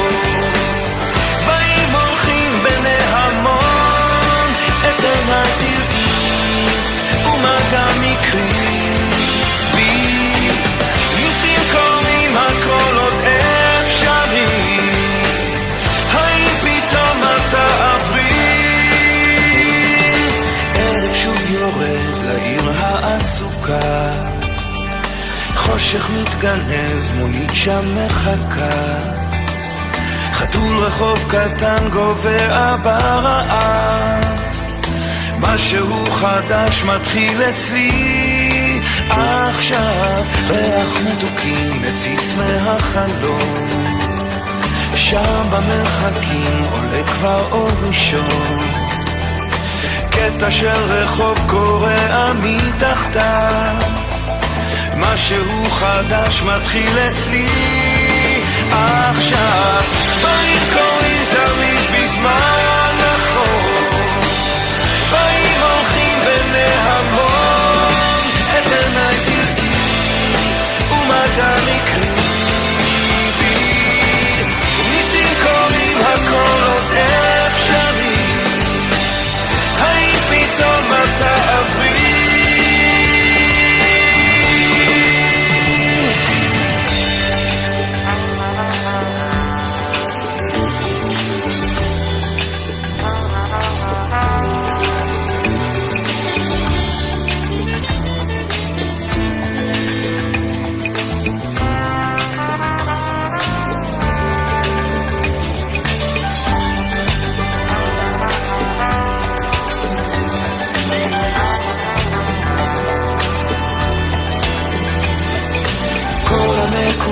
כבר מתחברות לקו משהו חדש מתחיל אצלי עכשיו. דברים קורים תמיד בזמן נכון. דברים הולכים בנהמון, את עיניי תראי, ומה גם יקרה. ניסים קורים, הכל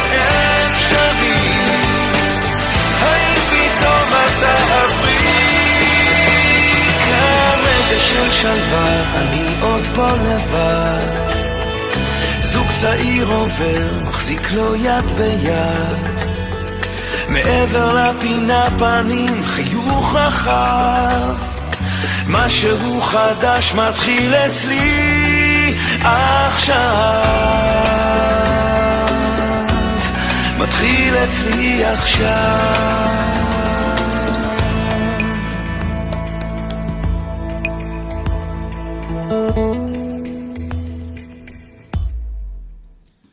תודה שחזרתם אלינו. איזה שיר יפה זה של דני רובס? מדהים. אני בכלל, כשהייתי יותר צעירה, מאוד אהבתי את השירים של דני רובס. הייתי שומעת אותו המון. זה שיר ש... אני, איך אני אגיד לך את זה? כל, אחד מהדברים שעשיתי בתפקיד הקודם שלי, ב, בתור מנהל מערכות מידע, זה היה להפיק uh, סרטונים uh, עבור החברה שבה עבדנו, סרטונים על פרויקטים שבנינו. והיו סרטונים על הפרויקטים שבנינו, פיתחנו, אם זה שכונות, אם זה מבנים, והיו גם, uh, אם זה היה דירקטורים ויושבי ראש שעזבו אותנו וכדומה, אז גם לעשות להם סרטונים של העשייה לאורך השנים שליוותה אותם. וזה שיר שכל מי שיצא לדרך חדשה, שמנו לו אותו, כי זה שיר שאותנו, אותי באופן אישי, ואני חושב עוד הרבה מאוד אנשים אחרים, uh, נותן ככה להסתכל על הדברים קצת באור שונה. אנחנו רגילים, uh, כשאנחנו עוזבים איזשהו משהו, כאילו לחשוש מהדרך החדשה שאליה אנחנו צועדים. יש לי שני חברים. שעומדים לסיים את התפקיד שלהם במקום העבודה הנוכחי, והם יוצאים לדרך חדשה. אז uh, אחד מהם, אני יכול להגיד את השם, את השנייה, לא יודע אם היא בטוחה, אבל uh, מכיוון שהוא כבר uh, הודיע והעלה פוסט, אז איציק, איציק היקר, איציק אח שלי היקר, איציק כרמלי, מנמ"ר עיריית ראשון לציון, אני מאחל לך המון המון המון המון בהצלחה בדרך החדשה שלך, לג'וב הבא. כמו שדני רובס אמר, משהו חדש מתחיל, תלך בבטחה לתפקיד החדש, אני בטוח שתצליח, אני בטוח שתעשה חיל, כמו שעשית uh, בעירייה במשך עשר שנים, היית מנמ"ר נהדר. אני חושבת שיותר קל שאתה מתחיל משהו חדש, אם אתה יודע כבר שיש לך משהו בטוח מעבר לפינה, אז זה, ההרגשה היא קצת יותר קלה מלעזוב משהו ו, ולא לדעת לקראת מה, מה מצפה לך. אז uh, יש לך איזה טיפ אולי למישהו ש, שמתחיל דרך חדשה בעצם, אבל הוא עדיין לא יודע מהי הדרך? קודם כל, לעצור. לעצור רגע, מה שנאמר לנקות את המחשבות, כי אנחנו בסערה של אה, רגשות, בסערה של מחשבות. מה יהיה? לשחרר. בדיוק. מה יהיה? איך אני, מאיפה יבוא הכסף? מאיפה תבוא הפרנסה? מה אני הולך לעשות? ירצו אותי? לא ירצו אותי? יש uh, מעין חשש כזה שפתאום אני לא כזה, יכול להיות שאני לא כזה מוצלח, יורד הביטחון העצמי. ואז uh, איך אני מגדל בחזרה את הביטחון העצמי? מה, מה קורה? מה אין, עושים? אין משמעות פתאום, אין אה, למה לקום בבוקר, זה קשה. זה קשה, זה מאתגר. אמ, ועם כל זה, צריך לדעת לעצור רגע ולהסתכל עמוק עמוק עמוק בפנים ולשאול את השאלה, אם לצורך העניין לא היית צריכה להיות מודאגת מהכנסה, אין דאגות של כסף, מה היית רוצה לעשות? מה היית רוצה לעשות? זאת שאלת המיליון דולר. ברגע שאתה, ברגע שיודעים ומנטרלים רגע את הרעשי רקע, ברגע שאנחנו יודעים מה אנחנו באמת רוצים לעשות, אם לא היה לנו את כל הקשיים ולא היה לנו את כל המחויבויות, ואנחנו מזקקים לעצמנו את מה שאנחנו רוצים לעשות, אז באות המחשבות. הכל נהיה יותר בהיר. כל העננה מתפזרת והשמיים הופכים להיות כחולים ואתה יודע מה אתה רוצה לעשות. ואז מתחיל הדרך, האם אני הולך לעשות את זה, לא רוצה, האם אני אתפרנס מזה, זה כבר מתחילים מה שנאמר, שאלות נוספות, אבל once אתה יודע מה אתה רוצה, אוקיי? הרבה יותר קל להגיע ומשם לבנות את התוכנית. הרי מה ההבדל בין האנשים שלמעשה מצליחים לבין אנשים שמצליחים נקרא לזה פחות, או אנשים שנגיד יש להם את הדיילי ג'וב שהם לא בהכרח, גם אנשים שהם דרך אגב שכירים, מאוד מגשימים את עצמם, זאת אומרת זה לא אומר שמי שרק עצמאי, רק הוא מגשים את עצמו, יש אנשים שהם שכירים שהם מאוד מרוצים במקום העבודה שלהם וטוב להם ממה שהם עושים את זה, אני יכול להגיד שאני הייתי מאוד מאושר במקום העבודה שלי, אבל רציתי לצמוח במקומות אחרים. אז קודם כל צריך לנקות את העננה שיש, ומשם אה, לצמוח. אה, ועם כל זה אנחנו נמשיך לדבר על זה טוב עוד הרבה, ואנחנו נעלה את דוב, אני מצטער על העיכוב, אנחנו נעלה את אה, דוב לשידור, נצא לאיזה שיר אה, אחד קצר, נעלה את סיוון ומשפחת טקט אין גבולות, שיר אחד לפני האחרון, ואז אנחנו נעלה את דוב לשידור. אוקיי. לא ללכת לשום מקום. הגעתי לכאן כדי לנצח, לא עברתי הכל כדי להפסיד. לא אגבור את ראשי בחול, לא אמעט ולא אפול, אפרוס כנף ואעוף לירח.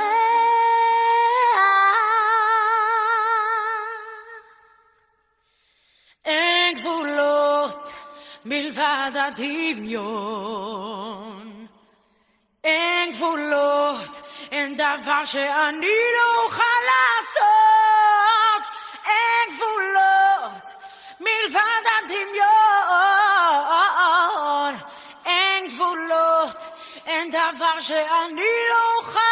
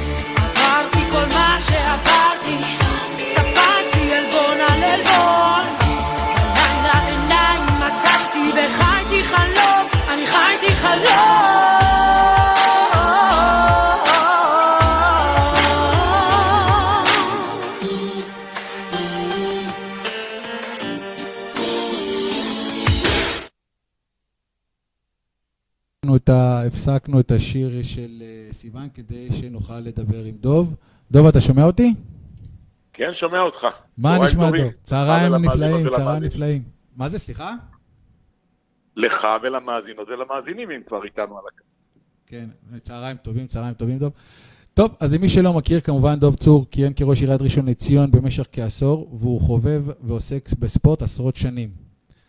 אז אנחנו הולכים לדבר עם דוב על הספורט. טוב, ספר לנו קצת על עצמך, מה אתה עושה היום? היום אני עושה בעיקר עסקים, יזם, אה, בכל מיני תחומים, נדל"ן ואחרים. אה, זהו. אוקיי, וכמה שנים אתה עושה את הספורט? נדבר קצת על הספורט, שזה או. למעשה מעניין.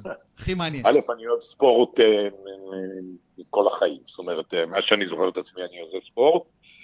אה, דווקא בשנים האחרונות, נגיד החל פחות או יותר מ- מהרגע שהייתי ראש עיר, דווקא הטריד אותי מאוד שאני, שאני קלע למין מצב כזה שלוח הזמנים יכתיב לי שאני אפסיק לספורט, ולכן דווקא הגברתי.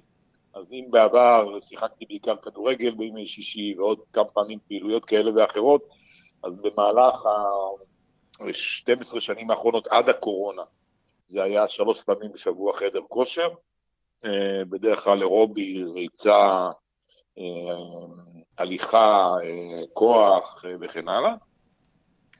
ועוד המש- המשכתי תקופה מסוימת גם עם הכדורגל עד שבגלל פגיעה בברך, בסחוסים, נאלצתי להפסיק לשחק כדורגל. והאמת שמתחילת הקורונה, חלק מהסיפור, מהעובדה, אם לא יודע אם זוכרים, בסגר הראשון, אה, החל מהסגר הראשון, אמרו, רק רגע, מותר לך לצאת וללכת, מותר לנו להסתובב רק 100 מטר למטרות ספורט. אז הפכתי בעצם את השלוש פעמים בשבוע ליום-יום, ומאז לא הפסקתי, אני עושה יום-יום אה, ספורט, אה, ריצה, הליכה או אופניים. וואלה.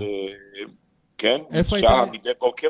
גם מה? אני, גם, גם אני זוכר שכשהגבילו אותנו לרוץ עד, אה, לצאת עד 500 מטר, אני זוכר, אני הקפתי את החנייה, הייתי רץ שמה 21 קילומטר סביב החנייה ברדיוס של אה, 100 מטר. למה? אבל ספורט היה מותר לעשות. אבל זה לפני שנתנו לנו את האפשרות לצאת, למי שעושה ספורט יחידני, לצאת מעל קילומטר. נכון, אז זה התחיל בהתחלה אפילו לא ב-500 מטר, זה היה בהתחלה ממש 100 מטר, נכון. ומצאנו לנו איזה סיבוב פה, מ- גם כן בשכונה, אני גר באזור של בתים פרטיים, מין איזה, נכון, מין- נכון. מין שרטוט של כיכר כזאת מסביב לבתים פרטיים, ועשינו את הסיבוב הזה עשרות פעמים עד שהגענו ל...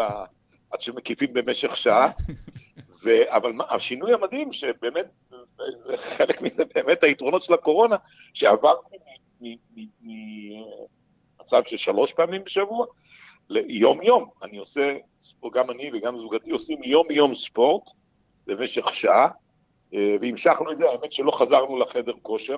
בכלל, אנחנו מוצאים את הדברים האחרים לעשות את זה.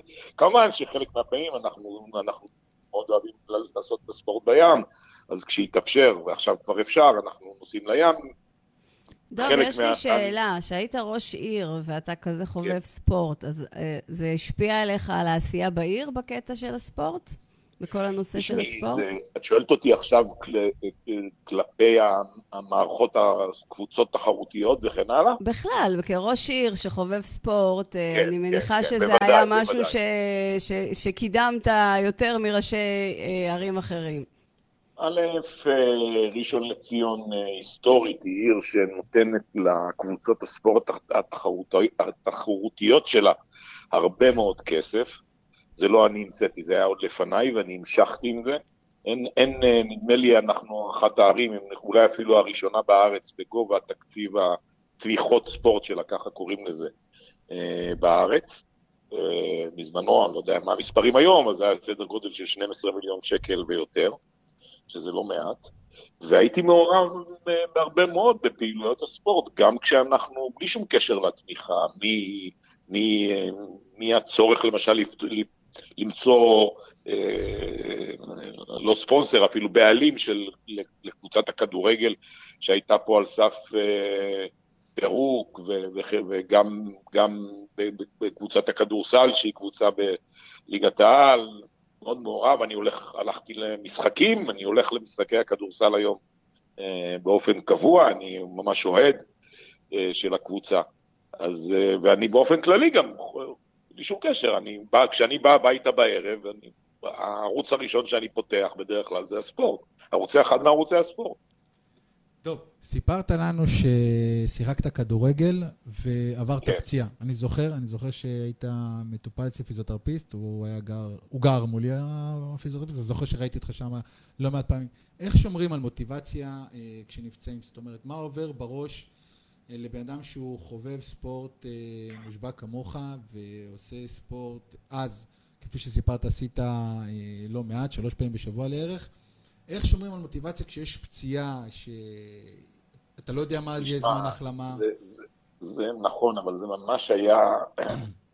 זה, זה, אני זוכר שכשנפצעתי, אה, שברתי איזה עצם בקרסול, ואחד הדברים הראשונים ש, שהפחידו אותי זה כמה זמן ייקח לי לחזור לפעילות הספורט. זאת אומרת, זה בכלל לא היה המחשבה אה, איך, איך אני שומר על מוטיבציה, זה היה הפוך. איך אני, איך אני חוזר הכי מהר, והאם אני אוכל לחזור לשחק, ומה יקרה, איך אני ארגיש עם הרגל, וכן הלאה וכן הלאה. וגם שאחר כך אה, אה, אה, קראתי, עברתי ניתוח מיניסקוס בברך, אה, וכשאמרו לי אחרי הניתוח, חביבי, אה, אתה רוצה לעשות אה, ריצה, אתה רוצה לעשות הליכה, בסדר, אבל כדורגל עם התנועות הפתאומיות שלו, ימינה ושמאלה, אתה לא תוכל לעשות, אתה רוצה, תעשה, אבל תוך אה, פרק זמן מאוד קצר תצטרך להחליף ברך, ומאוד חששתי מזה, וממש אמרו לי, תפסיק לשחק כדורגל, זה היה ברמה, זה היה ממש, אני הרגשתי שממש נפגעתי סוג של נפשית, כאילו, ממש בנפש מזה, וזה היה סוג של אפילו מין תחושה פיזית חסרה ביום שישי אחרי צהריים. יום שישי אחרי צהריים, שרוב האנשים הולכים ועושים לתנומת הצהריים, לשנץ, אני הייתי לשנץ. הולך למגרש הכדורגל, גשם, חורף, בוץ, לא, בכלל לא משנה, זה היה קבוע, אנחנו חבורה של אנשים ש-20-30 שנה הם משחקים, ממשיכים לשחק, חלק מהם אה, סבים ונכד, ונכדים שמשחקים באותה קבוצה. ו, וזה היה, ולא ללכת לזה, אני זוכר שבתקופה הראשונה אחרי שהפסקתי היה ממש הרגשה פיזית, כאילו הרגשתי משהו פיזי ביום שישי, אחר הצהריים שחסר לי, כאילו מין חוסר נוחות, חוסר אה, אה, מין, מין, מין ערות כזאת מיוחדת, לא הייתי מסוגל נגיד ללכת לישון. אוקיי. כי, כי זה הזמן ש- שהגוף יתרגל לעשות את הספורט, פסיכולוגית או פיזית, אני לא יודע להגיד. ואז, ואז... וזה כש- חסר עד היום, היום כבר טוב, עבר בדיוק. זמן. בדיוק. אז- אז אז, זה ממש מילאת את חסר. החלל, מילאת את החלל ב- בספורט אחר. במה מילאת את החלל? נכון, אז, אז בהתחלה זה באמת היה אה, אה, ריצה, בעיקר מאוד מאוד נהניתי מריצה. אה, לצ- לצערי בגלל אותם, אותם בעיות, אז ממש בחודשים האחרונים גם ביקשו ממני להפסיק לרוץ, ואני עושה היום אה, הליכה ואופניים, שילוב של הליכה ואופניים. אבל, אה, ואני עושה את זה בשעות, בשעות הבוקר. זאת אומרת, אני, אני לא מוותר על זה. עכשיו אני יותר פנוי כבן אדם, אבל גם בתקופה כראש עיר, זה היה לאלץ את עצמך אה, אה, בראש, להגיד, תשמעו, אנחנו היינו עושים בחדר כושר בשש וחצי, שלוש פעמים בשבוע. לא כל יום נעים לקום בשש וחצי בבוקר. בשביל להיות בשש וחצי אתה צריך גם לקום בשש וכן הלאה. אה, לא הלכת לישון אתמול בשמונה בערב, הלכת לישון ב-12 בלילה, אחרי יום ארוך וכן הלאה בדרך כלל, ישיבות לתוך הלילה. אני זוכר אבל- שהייתי רואה אותו, אני זוכר שהייתי רואה אותו, ב... היינו איתנו בקאנטרי, הוא היה על, ה... על ההליכון, אני הייתי, התאמנתי אז לתחרות של האיש ברזל, והייתי רואה אותו על ההליכון כל ראשון, שלישי וחמישי, אם אני זוכר נכון? לא, אני זוכר נכון? בדיוק, בדיוק. בדיוק, בש- בשעות המוקדמות. הבוקר המוקדמות, אני בבריכה, הוא על ההליכון, יש לו את האימון הקבוע הראשון, זה היה ריצות ארוכות, אם אני זוכר נכון? נכון, ואחר. כך זה היה אה, ראשון, שישי וחמישי קבוע, לא מפספס שום אימון, ואני בבריכה ואני רואה אותו, אז כן, אני, אני זוכר את זה. עכשיו, שאלה, אחרי שעשית את השיקום אה, עם הברך והתחלת לרוץ, ועכשיו אתה מספר שבעקבות אותה פציעה ככל הנראה, נתבקשת להכ- להכניס אה, אה, ענף נוסף שזה ענף הרכיבה. נכון. אני יודע שגם אה, במהלך התקופה הזאת עשית עוד מהפך, עוד מהפך. אני זוכר אותך רץ, והיית במשקל מסוים, וראיתי אותך אחרי תקופה מסוימת, עשית, זה היה, זה מדהים לראות את השינוי שעשית. תספר לנו קצת כן, למה לא, עשית זה את זה. כבר קשור ל- זה קשור כבר לתחום של הדיאטה, כי, כן, כי נכון. אה, אתה יודע, אנחנו תמיד אומרים, בשביל לרדת צריכים ל, ל, לעשות ספורט. אז זה נכון בחלקו, כי עובדה, עשיתי ספורט כל התקופה, גם כשהייתי במשקל הרבה יותר גבוה, ו... אה, אבל אין ספק שכשנכנסתי לדיאטה שנוגעת באמת ממש לדיאטה, לא, לא לתוצאה, אלא לשינוי הרגלי האכילה, שזה בעיקר מה שעשיתי, השילוב של זה עם הפעילות הספורטיבית, אין ספק שזה נתן אפשרות, ואני ירדתי בתקופה מאוד קצרה יחסית, ל-15 קילו, שזה היה, אני, אני זוכר שהגעתי ל... לנוטרופטית, לא הלכתי לדיאטנית, לדיאטנית, הלכתי לנוטרופטית, ושאלה אותי כמה אתה רוצה לרדת, אמרתי לה חמישה. אמרה לי, אתה עושה צחוק, חמישה אנחנו, לא יהיה לי מספיק עבודה, אנחנו עוד שבוע, שבועיים נסיים. והיא אמרה לי, נגיע לעשר, והאמת שלהגיע לחמש עשרה היה יחסית, יחסית קל, והדבר היותר חשוב זה כשכולם אומרים, אוקיי, בטח, אבל אתה תעלה את זה חזרה, אז ברוך השם אני כבר שנתיים אחרי, מטורף. פחות או יותר על אותו משקל, קילו יותר, קילו פחות, ואין ספק שלהרגלים של הגוף בתחום הפיזיולוגי אה, יש השפעה גדולה בנוסף להרגלי האכילה. אז זה נתן אה, בונוס. אתה פשוט, אגב, אני ממש מרגיש ככה, אני מרגיש הרבה יותר קל. תשמעו, לרדת 15 קילו זה חלק גדול מאוד, מ... זה אחוז משמעותי ממסת הגוף. נכון. כן? אז אתה מרגיש ממש יותר קל, על הברכיים אתה מרגיש יותר קל, אמרתי כבר, יש לי בעיית ברך, אז אה, גם הרופאים מסתכלים על זה אחרת, שאתה עם משקל יותר נמוך, וכשהם משקללים את הסיכונים שיש בהמשך עשיית ספורט בכלל.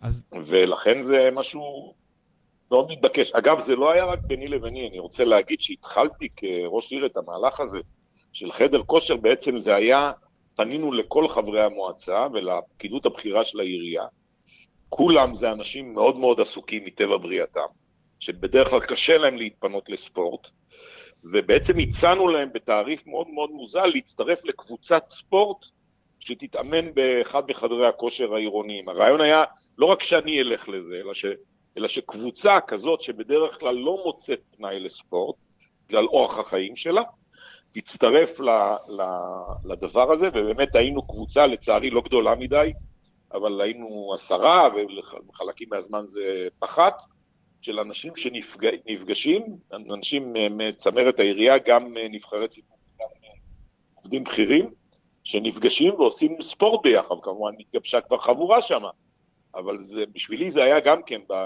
דיברתם על, על הערך הזה של הספורט, נורא היה חשוב לי שלא רק אני, אלא עוד אנשים יצטרפו למהלך הזה.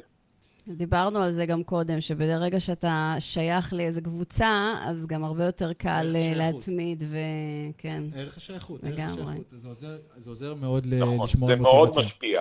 כי כששואלים אותך למה לא באת, לא היית ביום שלישי, אז אתה מרגיש כבר לא נוח, נכון. כאילו, איך אתה פספסת, זה מכניס אותך קצת יותר לתלם. אתה צריך לעשות בילדאפ לאיזשהו תירוץ ככה טוב, למה לא הגעת? כן. התירוץ צריך להיות משכנע, כי. אין לך ברירה. כאילו, לא אז נעים, עדיף- איך אתה לא תבוא. עדיף לבוא ולא עדיף לתרץ. עד לבוא ושלא יגידו, טוב, מה, מה אתה מספר, אכלו לי, שתו לי, כן, אני מכיר- את זה, מכיר את זה לגמרי.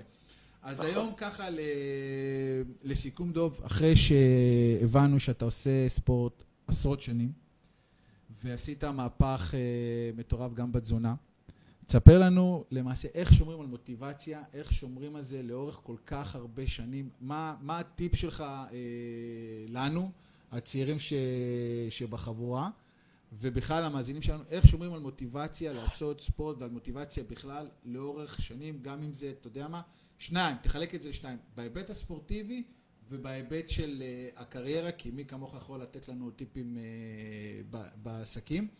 אז uh, אני אשמח לשמוע איך שומרים על זה לאורך זמן.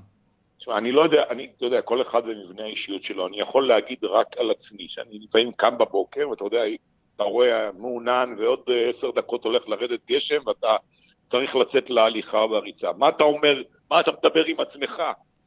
השמיכה החמה ממש קורצת, לחזור להכניס את הראש מתחת לשמיכה או לצאת. אז אני, אני, אני כל הזמן חושב על, על אותם הישגים ש, שהשגתי.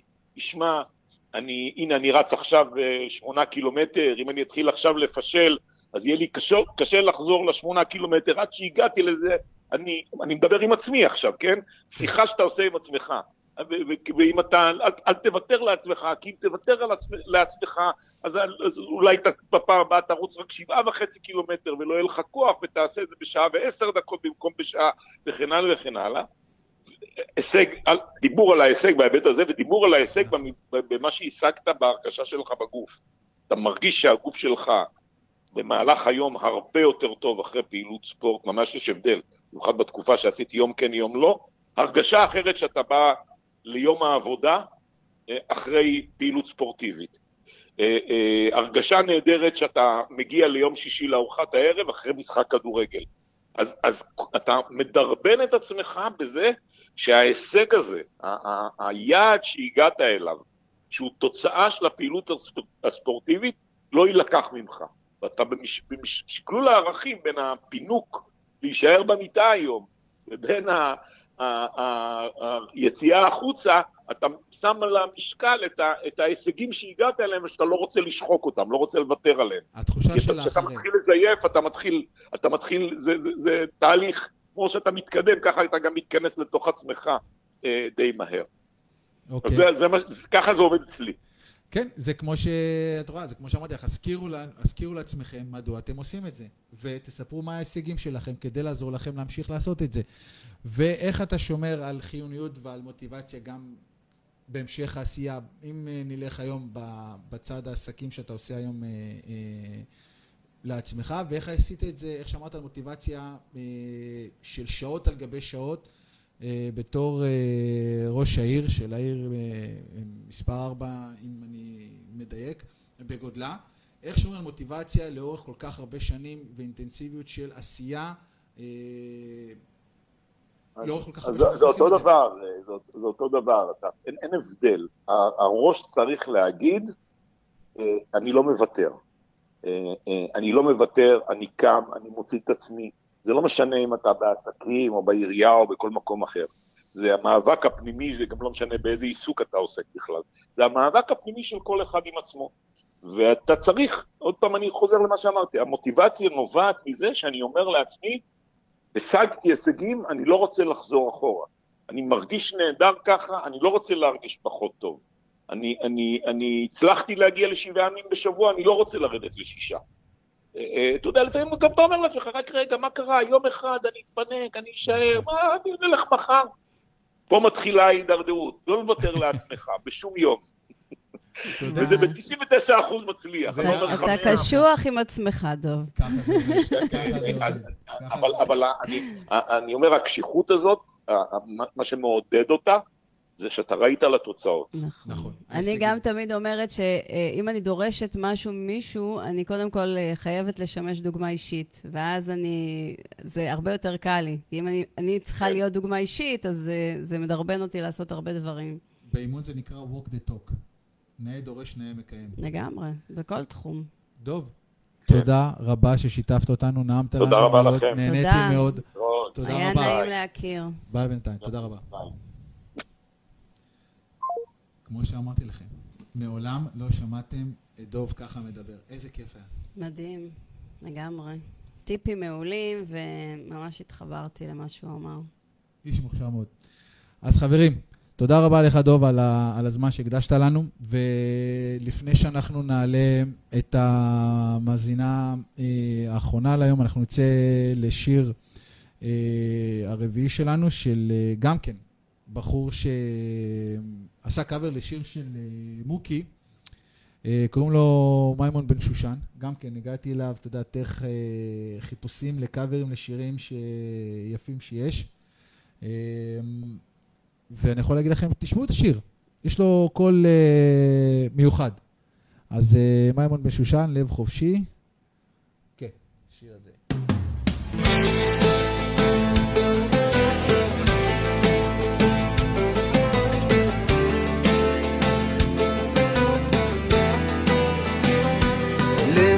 חופשי, היום הלב שלי חופשי, אין כבלים ואין עוד דאגות, הוא נקי משקרים וחף מגעגוע עירום, לב חופשי כמו הרוח, ואחרי שנשרף, ואחרי שנגמר כבר, משתחרר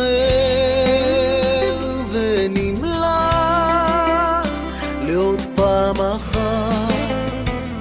ואור גדול עולה מתוך החושך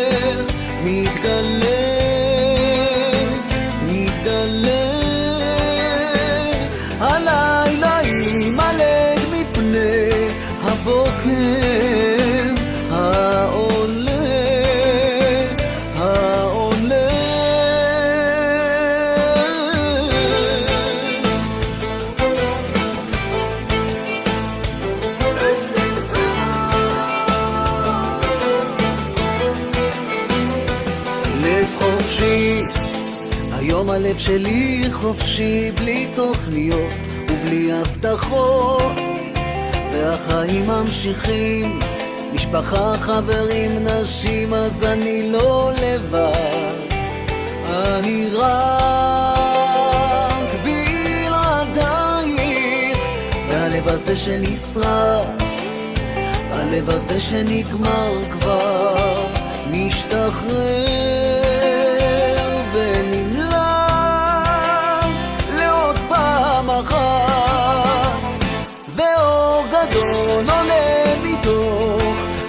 החושך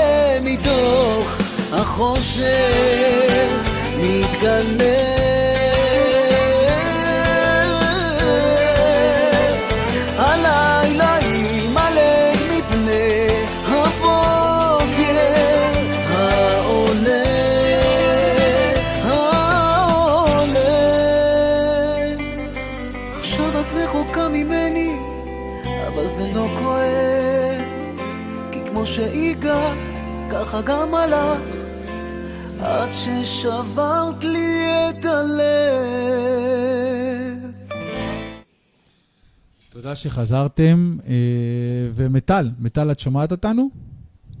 אני שומעת, אבל עם הד. ועכשיו? בוא נמשיך. עכשיו, עדיין עם הד? יש לך אקו? אה, כן, מעט. אוקיי, את, את שמה, את שומעת את עצמך במקביל? לא. אה, אוקיי. טוב. אז אה, נגד אקו אני הרבה שליטה על זה. אז בואי תספרי לנו קצת על עצמך, מה את עושה היום, מה התחביבים שלך. שמאזינים אוקיי. קצת יכירו אותך. תציג את עצמך קודם, זה שאתה מכיר. אותה. טוב. אז אה, קודם כל, אה, שמי מיטל וייס, אני בת אה, 47 עוד מעט, אה, אימא לשלישיית אה, חיילות, לידה אחת, אה. ילדות מדהימות. אני גרה. בכפר, לידה אחת, זה שלישייה? כן, להתעכב על העניין, נכון? כן, דקה. הסבר. הסבר, איך, איך זה יוצא? איך הדבר הזה יוצא? מה הסדר? מה, מה אחד, קורה? אחד. רגע, שנייה, איך זה קורה? כמה, מה, מה הגודל של הבטן? מה...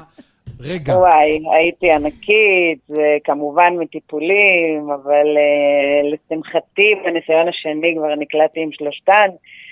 Um, אני אספר אנקדוטה על העניין הזה, שאני זוכרת שהגעתי לבית חולים ב- בחודש שלישי, וניסו, הרופא, המומחה, ניסה לשכנע אותי לעשות דילול, זה נחשב הריון בסיכון. ואני ככה הלכתי עם האינטואיציה שלי, ואמרתי לו איפה חותמים. וכעובדה, הן אה, היום אה, בנות 19, חיילות מדהימות, ואנחנו עוד נדבר על אינטואיציות לגמרי. בהמשך. לגמרי, תמשיכי. כן, אז אה, אני גרה בכפר ורדים, בת זוג של איתן, אה, כבר אה, מעל תשע שנים, יש לנו יחד אה, שמונה ילדים, זוגיות שנייה רגע. אה, ומאושרת. רגע, רגע, רגע, רגע, רגע, רגע, שנייה, רגע, רגע, רגע. hold it, מכירה? hold it, רגע. מה זאת אומרת? שמונה, אתה, אני יכול להגיד לה, אני רגע גילוי נאות, יש לנו, יש לי חבר שהוא מאזין לנו, והוא בזוגיות שנייה, הוא עם שבעה ילדים, וזה המקסימום שאני מכיר מהמעגל הקרוב אליי של... כן, של כן, אז אנשים. איתן הביא איתו עוד חמישה מקסימים, ואני את השלושה שלי, וזה כיף גדול. וכבר תשע שנים אנחנו משפחה גדולה ומאושרת. איך עושים את זה? תני לנו... אה, לנו זה לא מובן מאליו, איך עושים אני את זה? חושבת ש- שזכינו, אבל זה הרבה אה, רגישות לסביבה. זאת אומרת, במקרה הזה שמנו את עצמנו דווקא אה, לא בפרונט, אלא יותר את הילדים. אה, ועשינו צעדים קטנים, ועברנו לגור יחד רק לפני שנתיים, להזכיר, אנחנו כבר מעל תשע שנים יחד, רק לפני שנתיים עברנו לגור יחד. זאת אומרת, לא, לא שמנו את עצמנו בפרונט, קודם את הילדים, נתנו לדברים להבשיל באופן טבעי, וזה הצליח. אז גם פה עבדנו עם אינטואיציה מאוד חזקה. אוקיי, תמשיכי. סליחה, הייתי חייב לדעת, פשוט כן. שמונה ילדים איך עושים את זה. אני עם כן, אז כיף, כיף. ארבעה, מדהימים. ושתיים ושתיים, ואני ב... לומד עדיין איך עושים את זה. עדיין לומד. כן, אז זה כיף גדול. אוקיי. אמ, טוב, אז אני עד לפני, אה, עד נובמבר אה, 2019 עבדתי בתעשייה בתפקידי אה, ניהול כ-24 שנים.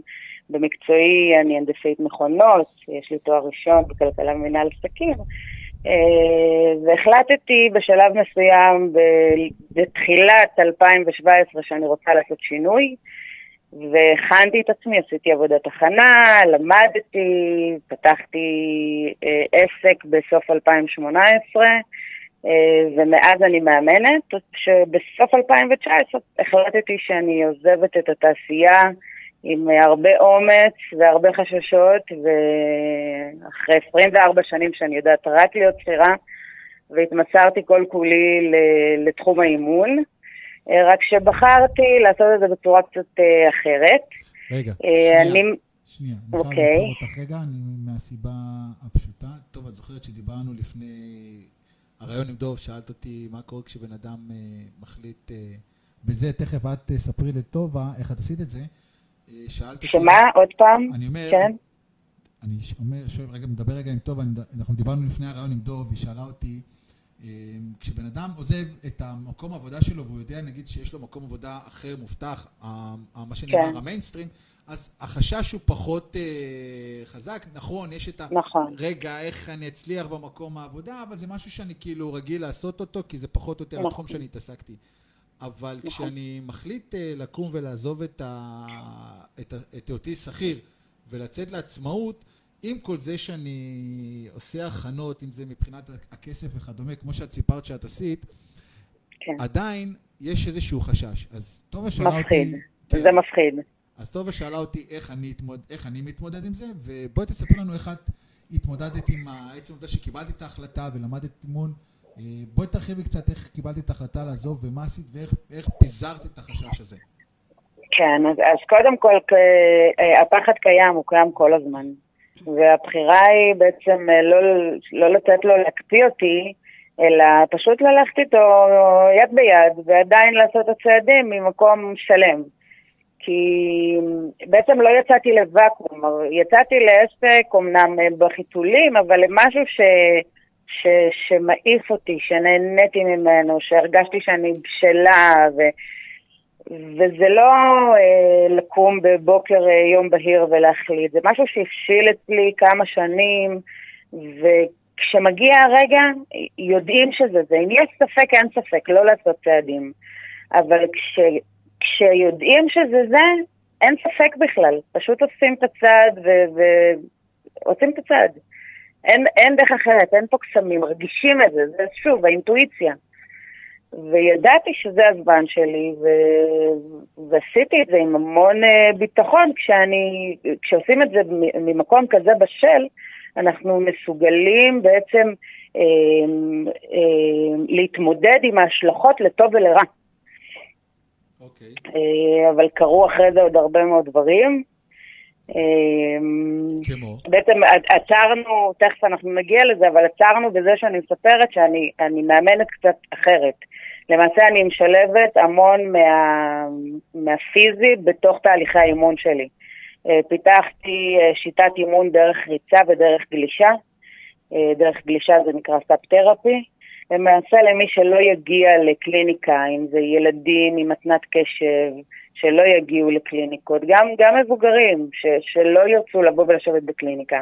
אז, אה, אז דרך הריצה, דרך הפיזי, דרך הגלישה, זה סוג של פריצת גבול פיזית שבהכרח משפיעה גם על- פריצת גבול אה, מנטלית.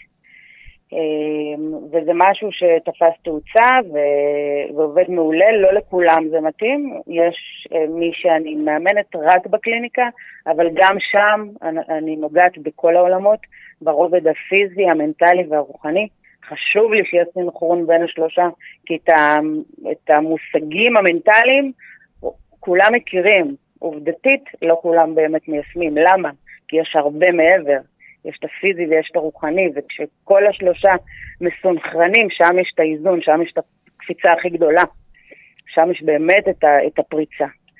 אוקיי, אז אמ, שאלה, איך הגעת לסאפ? למה דווקא סאפ? אמרת גם ריצה, סאפ, אבל אה, סאפ זה שונה. למה דווקא סאפ? מה מיוחד בסאפ כי, שלדעתך הוא נותן ערך מוסף על פני כן, אה, אז דברים אחרים? אוקיי, אז הסאפ, אה, אני, אני גולשת אה, כבר אה, ש- מעל שמונה שנים, אה, ואני יודעת מה הסאפ עבורי. אה, אני יודעת, אה, כשאני מגיעה לים, גם ה- הים עצמו יש בו את הסגולות שלו, שהן מעבר למנטלי. אה, אם זה הניקו, הניקיון של הים, הניקיון, ה, זה, זה יותר מהתחום הרוחני מדבר, אבל גם, כמו שאמרתי קודם, כשמישהו בא ועולה על גלשן בפעם הראשונה ומצליח לעמוד עליו, יש לו תחושה של מסוגלות, איזושהי פריצת גבול פיזית, שתמיד, תמיד, תמיד תשפיע על המנטלית בסופו של דבר. חוץ מהדברים הנוספים שמוסיף לים, הרוגע והמונוטוניות של הגלים והניקיון של, ה, של המים, והרבה עושים, אה, אה, גם הדתיים אגב, יש להם בכיפור את התשליך וזה, ובים, ו- וזה לא סתם. יש בזה גם הרבה רוח. השילוב שלהם זה שילוב מנצח. אוקיי. וכשהבנתי שלא כולם מגיעים ל- לקליניקה, לא לכולם זה מדבר, אבל עדיין אפשר לעזור לאנשים. יש לי נערה שאני עושה לה תהליך אימוני שלם דרך הריצה. אני גם מאמנת לריצות ארוכות, אני בעצמי רצתי מרתונים, היום אני מתאמנת לאיש הברזל, ואני יודעת מה הפריצה הפיזית עושה בתהליכי אימון. אז אוקיי. אז אני משתמשת בכלים האלה. אוקיי, אז בואי נדבר קצת על אה, איך את היום אה, אה, מאמנת אה, ומתאמנת. לאיזו תחרות? תזכירי. איש הברזל, אמרנו. לאיזו תחרות את מתאמנת עכשיו?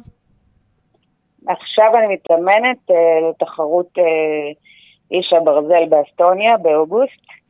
אוקיי. אמ, והגיעה, החלטה שהגיעה בעקבות פציעה. בואי תספרי קצת על הפציעה ו- הזאתי, כי אנחנו אמרנו שאנחנו כן. רוצים לדבר היום קצת על מוטיבציה, כן. ויש לנו ככה אה, שלוש דקות, אז תנסי ככה לעטוף לנו את, ה... את הסיפור על הפציעה, איך שמרת על מוטיבציה, ואיך זה מתקשר לתוך התהליך האימוני שאת אה, עשית ועושה. אה, כן. לכי על זה. אוקיי, אז בנובמבר 2019 נפצעתי, ריסקתי קרסול, שני פטישונים, נאלצתי לעבור שחזור של הקרסול, ואני זוכרת שהורדתי אחרי חודשיים את הגבס, והמנתח אמר לי, את תוכלי לרוץ רק באוקטובר, זאת אומרת עשרה חודשים אחרי. ואמרתי לו, לא יקרה. ישבתי בבית ועשיתי פשוט טיפול אנרגטי ודמיון מודרך על הרגל, ודמיינתי את עצמי קופצת ורצה כשאני עם הגבס בבית. בפועל מה שקרה זה שבאפריל כבר חזרתי לרוץ, ובאוקטובר כבר הייתי אחרי שני חצי מרתון. וואו. וכן, זה, זה הישג מטורף, וגם פה עבדתי עם אינטואיציה. זאת אומרת, אני מאוד קשובה לגוף שלי, ואני יודעת לעשות תהליכים של, אה, של זימון מציאות, של דמיון מודרך, וזה עובד.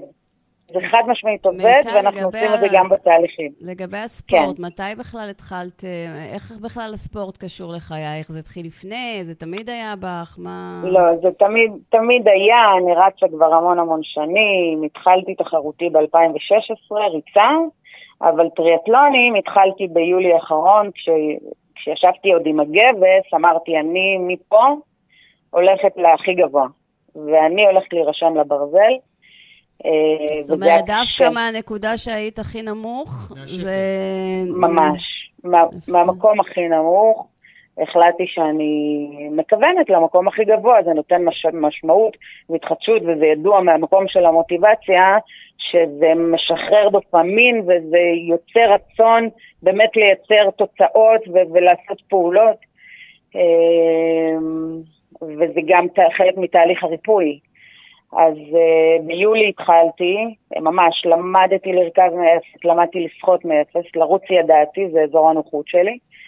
Uh, ולפני שבועיים עשיתי את החצי איש ברזל, שהיה אמור להתקיים באילת ובוטל לצערי, אז עשינו אותו בכנרת, אה, והיה מדהים. זה היה מכונן, זה היה יום ממש מכונן. שהבנתי שאין, דיברתם קודם, אני הקשבתי לכם כמעט כל השידור והתחברתי להמון המון דברים שאמרתם, אין גבול ליכולות שלנו. אנחנו לפעמים מסוגלים לעשות דברים שהם הם ברמה מאוד, דברים משוגעים, שהמוח אפילו לא מסוגל להבין אותם. אני עכשיו אה, אה, גם מבינה שתוך כדי, אה, שהייתי עם גבס, אז היא כבר תכננה את התחרות של רצת ברזל בראש. ממש ככה. נכון. לסיכום, מה המשפט שאת אה, איתו למעשה לוקחת אה, באופן אישי לשמור על מוטיבציה, ולמ- וגם, אה, אם זה אותו משפט או משפט אחר, שאת נו- נותנת אה, למתאמנים שלך למעשה לשמור על מוטיבציה גבוהה. מה המוביל שלך? ככה, לא, לא, לא לצאת ל... דיברת קודם על השדים ועל הקולות הפנימיים שהם כל הזמן בתוכנו. אז אה, לא לתת להם להתחיל בכלל את הדיון. זאת אומרת, לעשות ממש פעולות, זה חלק מחוק החמש שניות למי שמכיר אותו, שפשוט לעשות בלי לפתח מחשבה, כי בתוך חמש שניות הרציונל וההסברים והשדים כבר מתחילים לעבוד. אבל אם אני טיק טק החלטתי שאני יוצאת לרוץ, שמה עליי ביגוד ויוצאת בלי להתחיל איזשהו דיון פנימי, אז, אה, אז זה יוצא לפועל. אז אם מי ששואל אותי איך את יוצרת מוטיבציה, אני אומרת שלא תשבו ותחכו לה, היא לא תגיע. המוטיבציה תבוא אחרי. אחרי שתעשו את הפעולה הראשונה ותראו תוצאות ותראו תגמול, משם תבוא המוטיבציה. ואז זה כבר גלגל שהוא כבר, אה, מכוח האינרציה הוא כבר זורם. אבל לא לשבת לחכות למוטיבציה, היא לא תגיע. המוטיבציה יכולה להגיע מגורם חיצוני. יש מוטיבציה פנימית ויש חיצונית. גורם חיצוני, כמו חלילה, מחלה או משהו, ליצור מוטיבציה לעשות שינוי בתזונה, אז גורם חיצוני יכול מאוד לעזור, כי מעורב פה רגש ומעורב פה משהו עוצמתי מאוד. אבל ליצור מוטיבציה פנימית, וצריך, דיברת קודם על הלמה, שהוא צריך להיות מאוד מאוד חזק, אה, וגם פה יש כל מיני סיבות. אז אני אומרת, פשוט לא לתת לדיון פנימי לקרות, אה, להחליט מה חשוב לנו, מה ייתן לנו את הדגמול הכי הכי חזק, לשאול את עצמנו מה אנחנו צריכים לעשות ופשוט לעשות, בלי להתחיל עם דיונים פנימיים. כי דיונים והסברים ורציונל ולמה לא, זה פשוט, זה תמיד יהיה, וזה מעכב אותנו. לגמרי. אז כמו שמיטל אמרה, חוק החמש שניות, פשוט לקום ולעשות. כי אחרת נכון. מתחילות השאלות. אז מי שרוצה אה, ליצור איתך קשר, איך הוא יכול ליצור איתך קשר? איפה אפשר למצוא אותך? מהם הפרטים? אני אשמח שתשאירי לנו אמ, בתגובות, כדי שגם אנחנו אה, נוכל... אה, כן, אני אשאיר את? הטלפון שלי. כן, מה הטלפון שלך? אה, 054 524 8025 אפשר למצוא אותי גם בפייסבוק, מיטל וייס, אה, אימון להצלחה state of mind.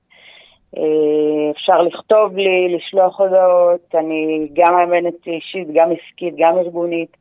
אה, בעצם אני משלבת את המודל שלי מתוך הניסיון שיש לי גם בתעשייה, אה, גם בארגונים, אבל האישי הוא מאוד מאוד חזק מהמקום של הפריצות גבול שלי. אני יודעת ללמד אנשים איך לעשות את זה אצלהם בחיים. אז אני אשמח. תודה רבה. תודה. תודה, מיטל. תודה לכם. היה כיף הכבוד, שיהיה להכיר לך אותך. בהצלחה באסטוניה. תודה, תודה רבה, גם לכם, שיצא לפועל, הלוואי. יצא, יצא, יצא. תודה, הקורונה כבר מיטל. מסתיימת. שיהיה לך אחלה כן. יום, תודה רבה. אמן, תודה, תודה לכם, ביי ביי. אנחנו... צריך לסיים, כן, אסף. זה עף הזמן מהר. ממש. נשארה לנו דקה.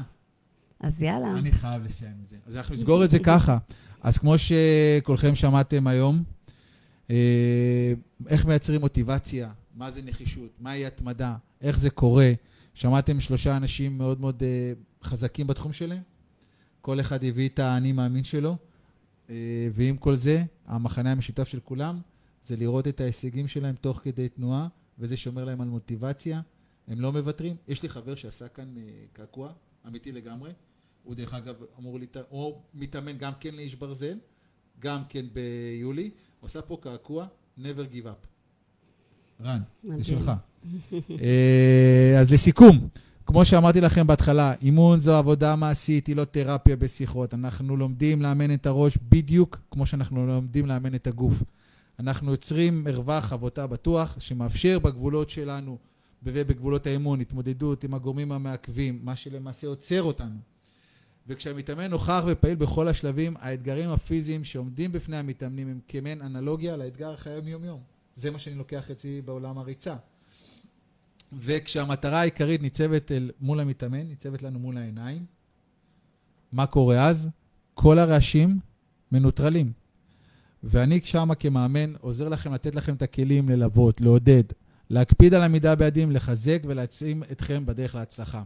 כמו שמרק צוקרברג, למי שלא יודע, הוא ממציא פייסבוק, כן? דרך אגב, את יודעת שלפניו היו, הייתה אפליקציה אה, ישראלית, היו, היה את אפליקציית חבר'ה, אתר חבר'ה, והיה מקושרים, שהם היו על אותו סגנון אה, כמו פייסבוק, רק אנחנו בישראל ופייסבוק זה בארצות הברית. אז כמו שמרק צוקרברג אמר, הסיכון הגדול ביותר הוא לא לקחת סיכונים. בעולם המשתנה מרגע לרגע, האסטרטגיה היחידה שבטוח תיכשל בכל פעם היא אסטרטגיה של אי לקיחת סיכונים. אז חברים, נתראה שבוע הבא, באותו המקום ובאותה השעה. נושא התוכנית יהיה הפעם, איך בונים תוכנית עסקית. אה, מעולה. מה זה אומר ולמה זה חשוב בכל עסק. אז אם אתם היועצים העסקיים שיש להם סיפור הצלחה מרגש ושרוצים לתת טיפים חשובים למאזינים ולמאזינות שלנו, מוזמנים לשלוח לי הודעה בוואטסאפ לטלפון 050-6344-755 בפייסבוק ובאינסטגרם אסף בראל. אז איך אתם עושים את זה? וששת הסיפורים המרתקים ביותר יעלו לשידור. אז תודה לכם מאזינים ומאזינות יקרים ויקרות על שעתיים מרגשות, מעצימות. תודה לאורחים שלנו, תודה לדוב, תודה לקובי, תודה לך מטל. היה לי עונג גדול, תודה לך. טובה, נהניתי כרגיל. בכיף, גם אני נהניתי. ונתראה שבוע הבא, ביום שלישי, בין השעות 1 ל-3 בצהריים. להתראות. נסיים עם השיר של אברהם תם, שיהיה לנו שבוע טוב. להתראות לכולם.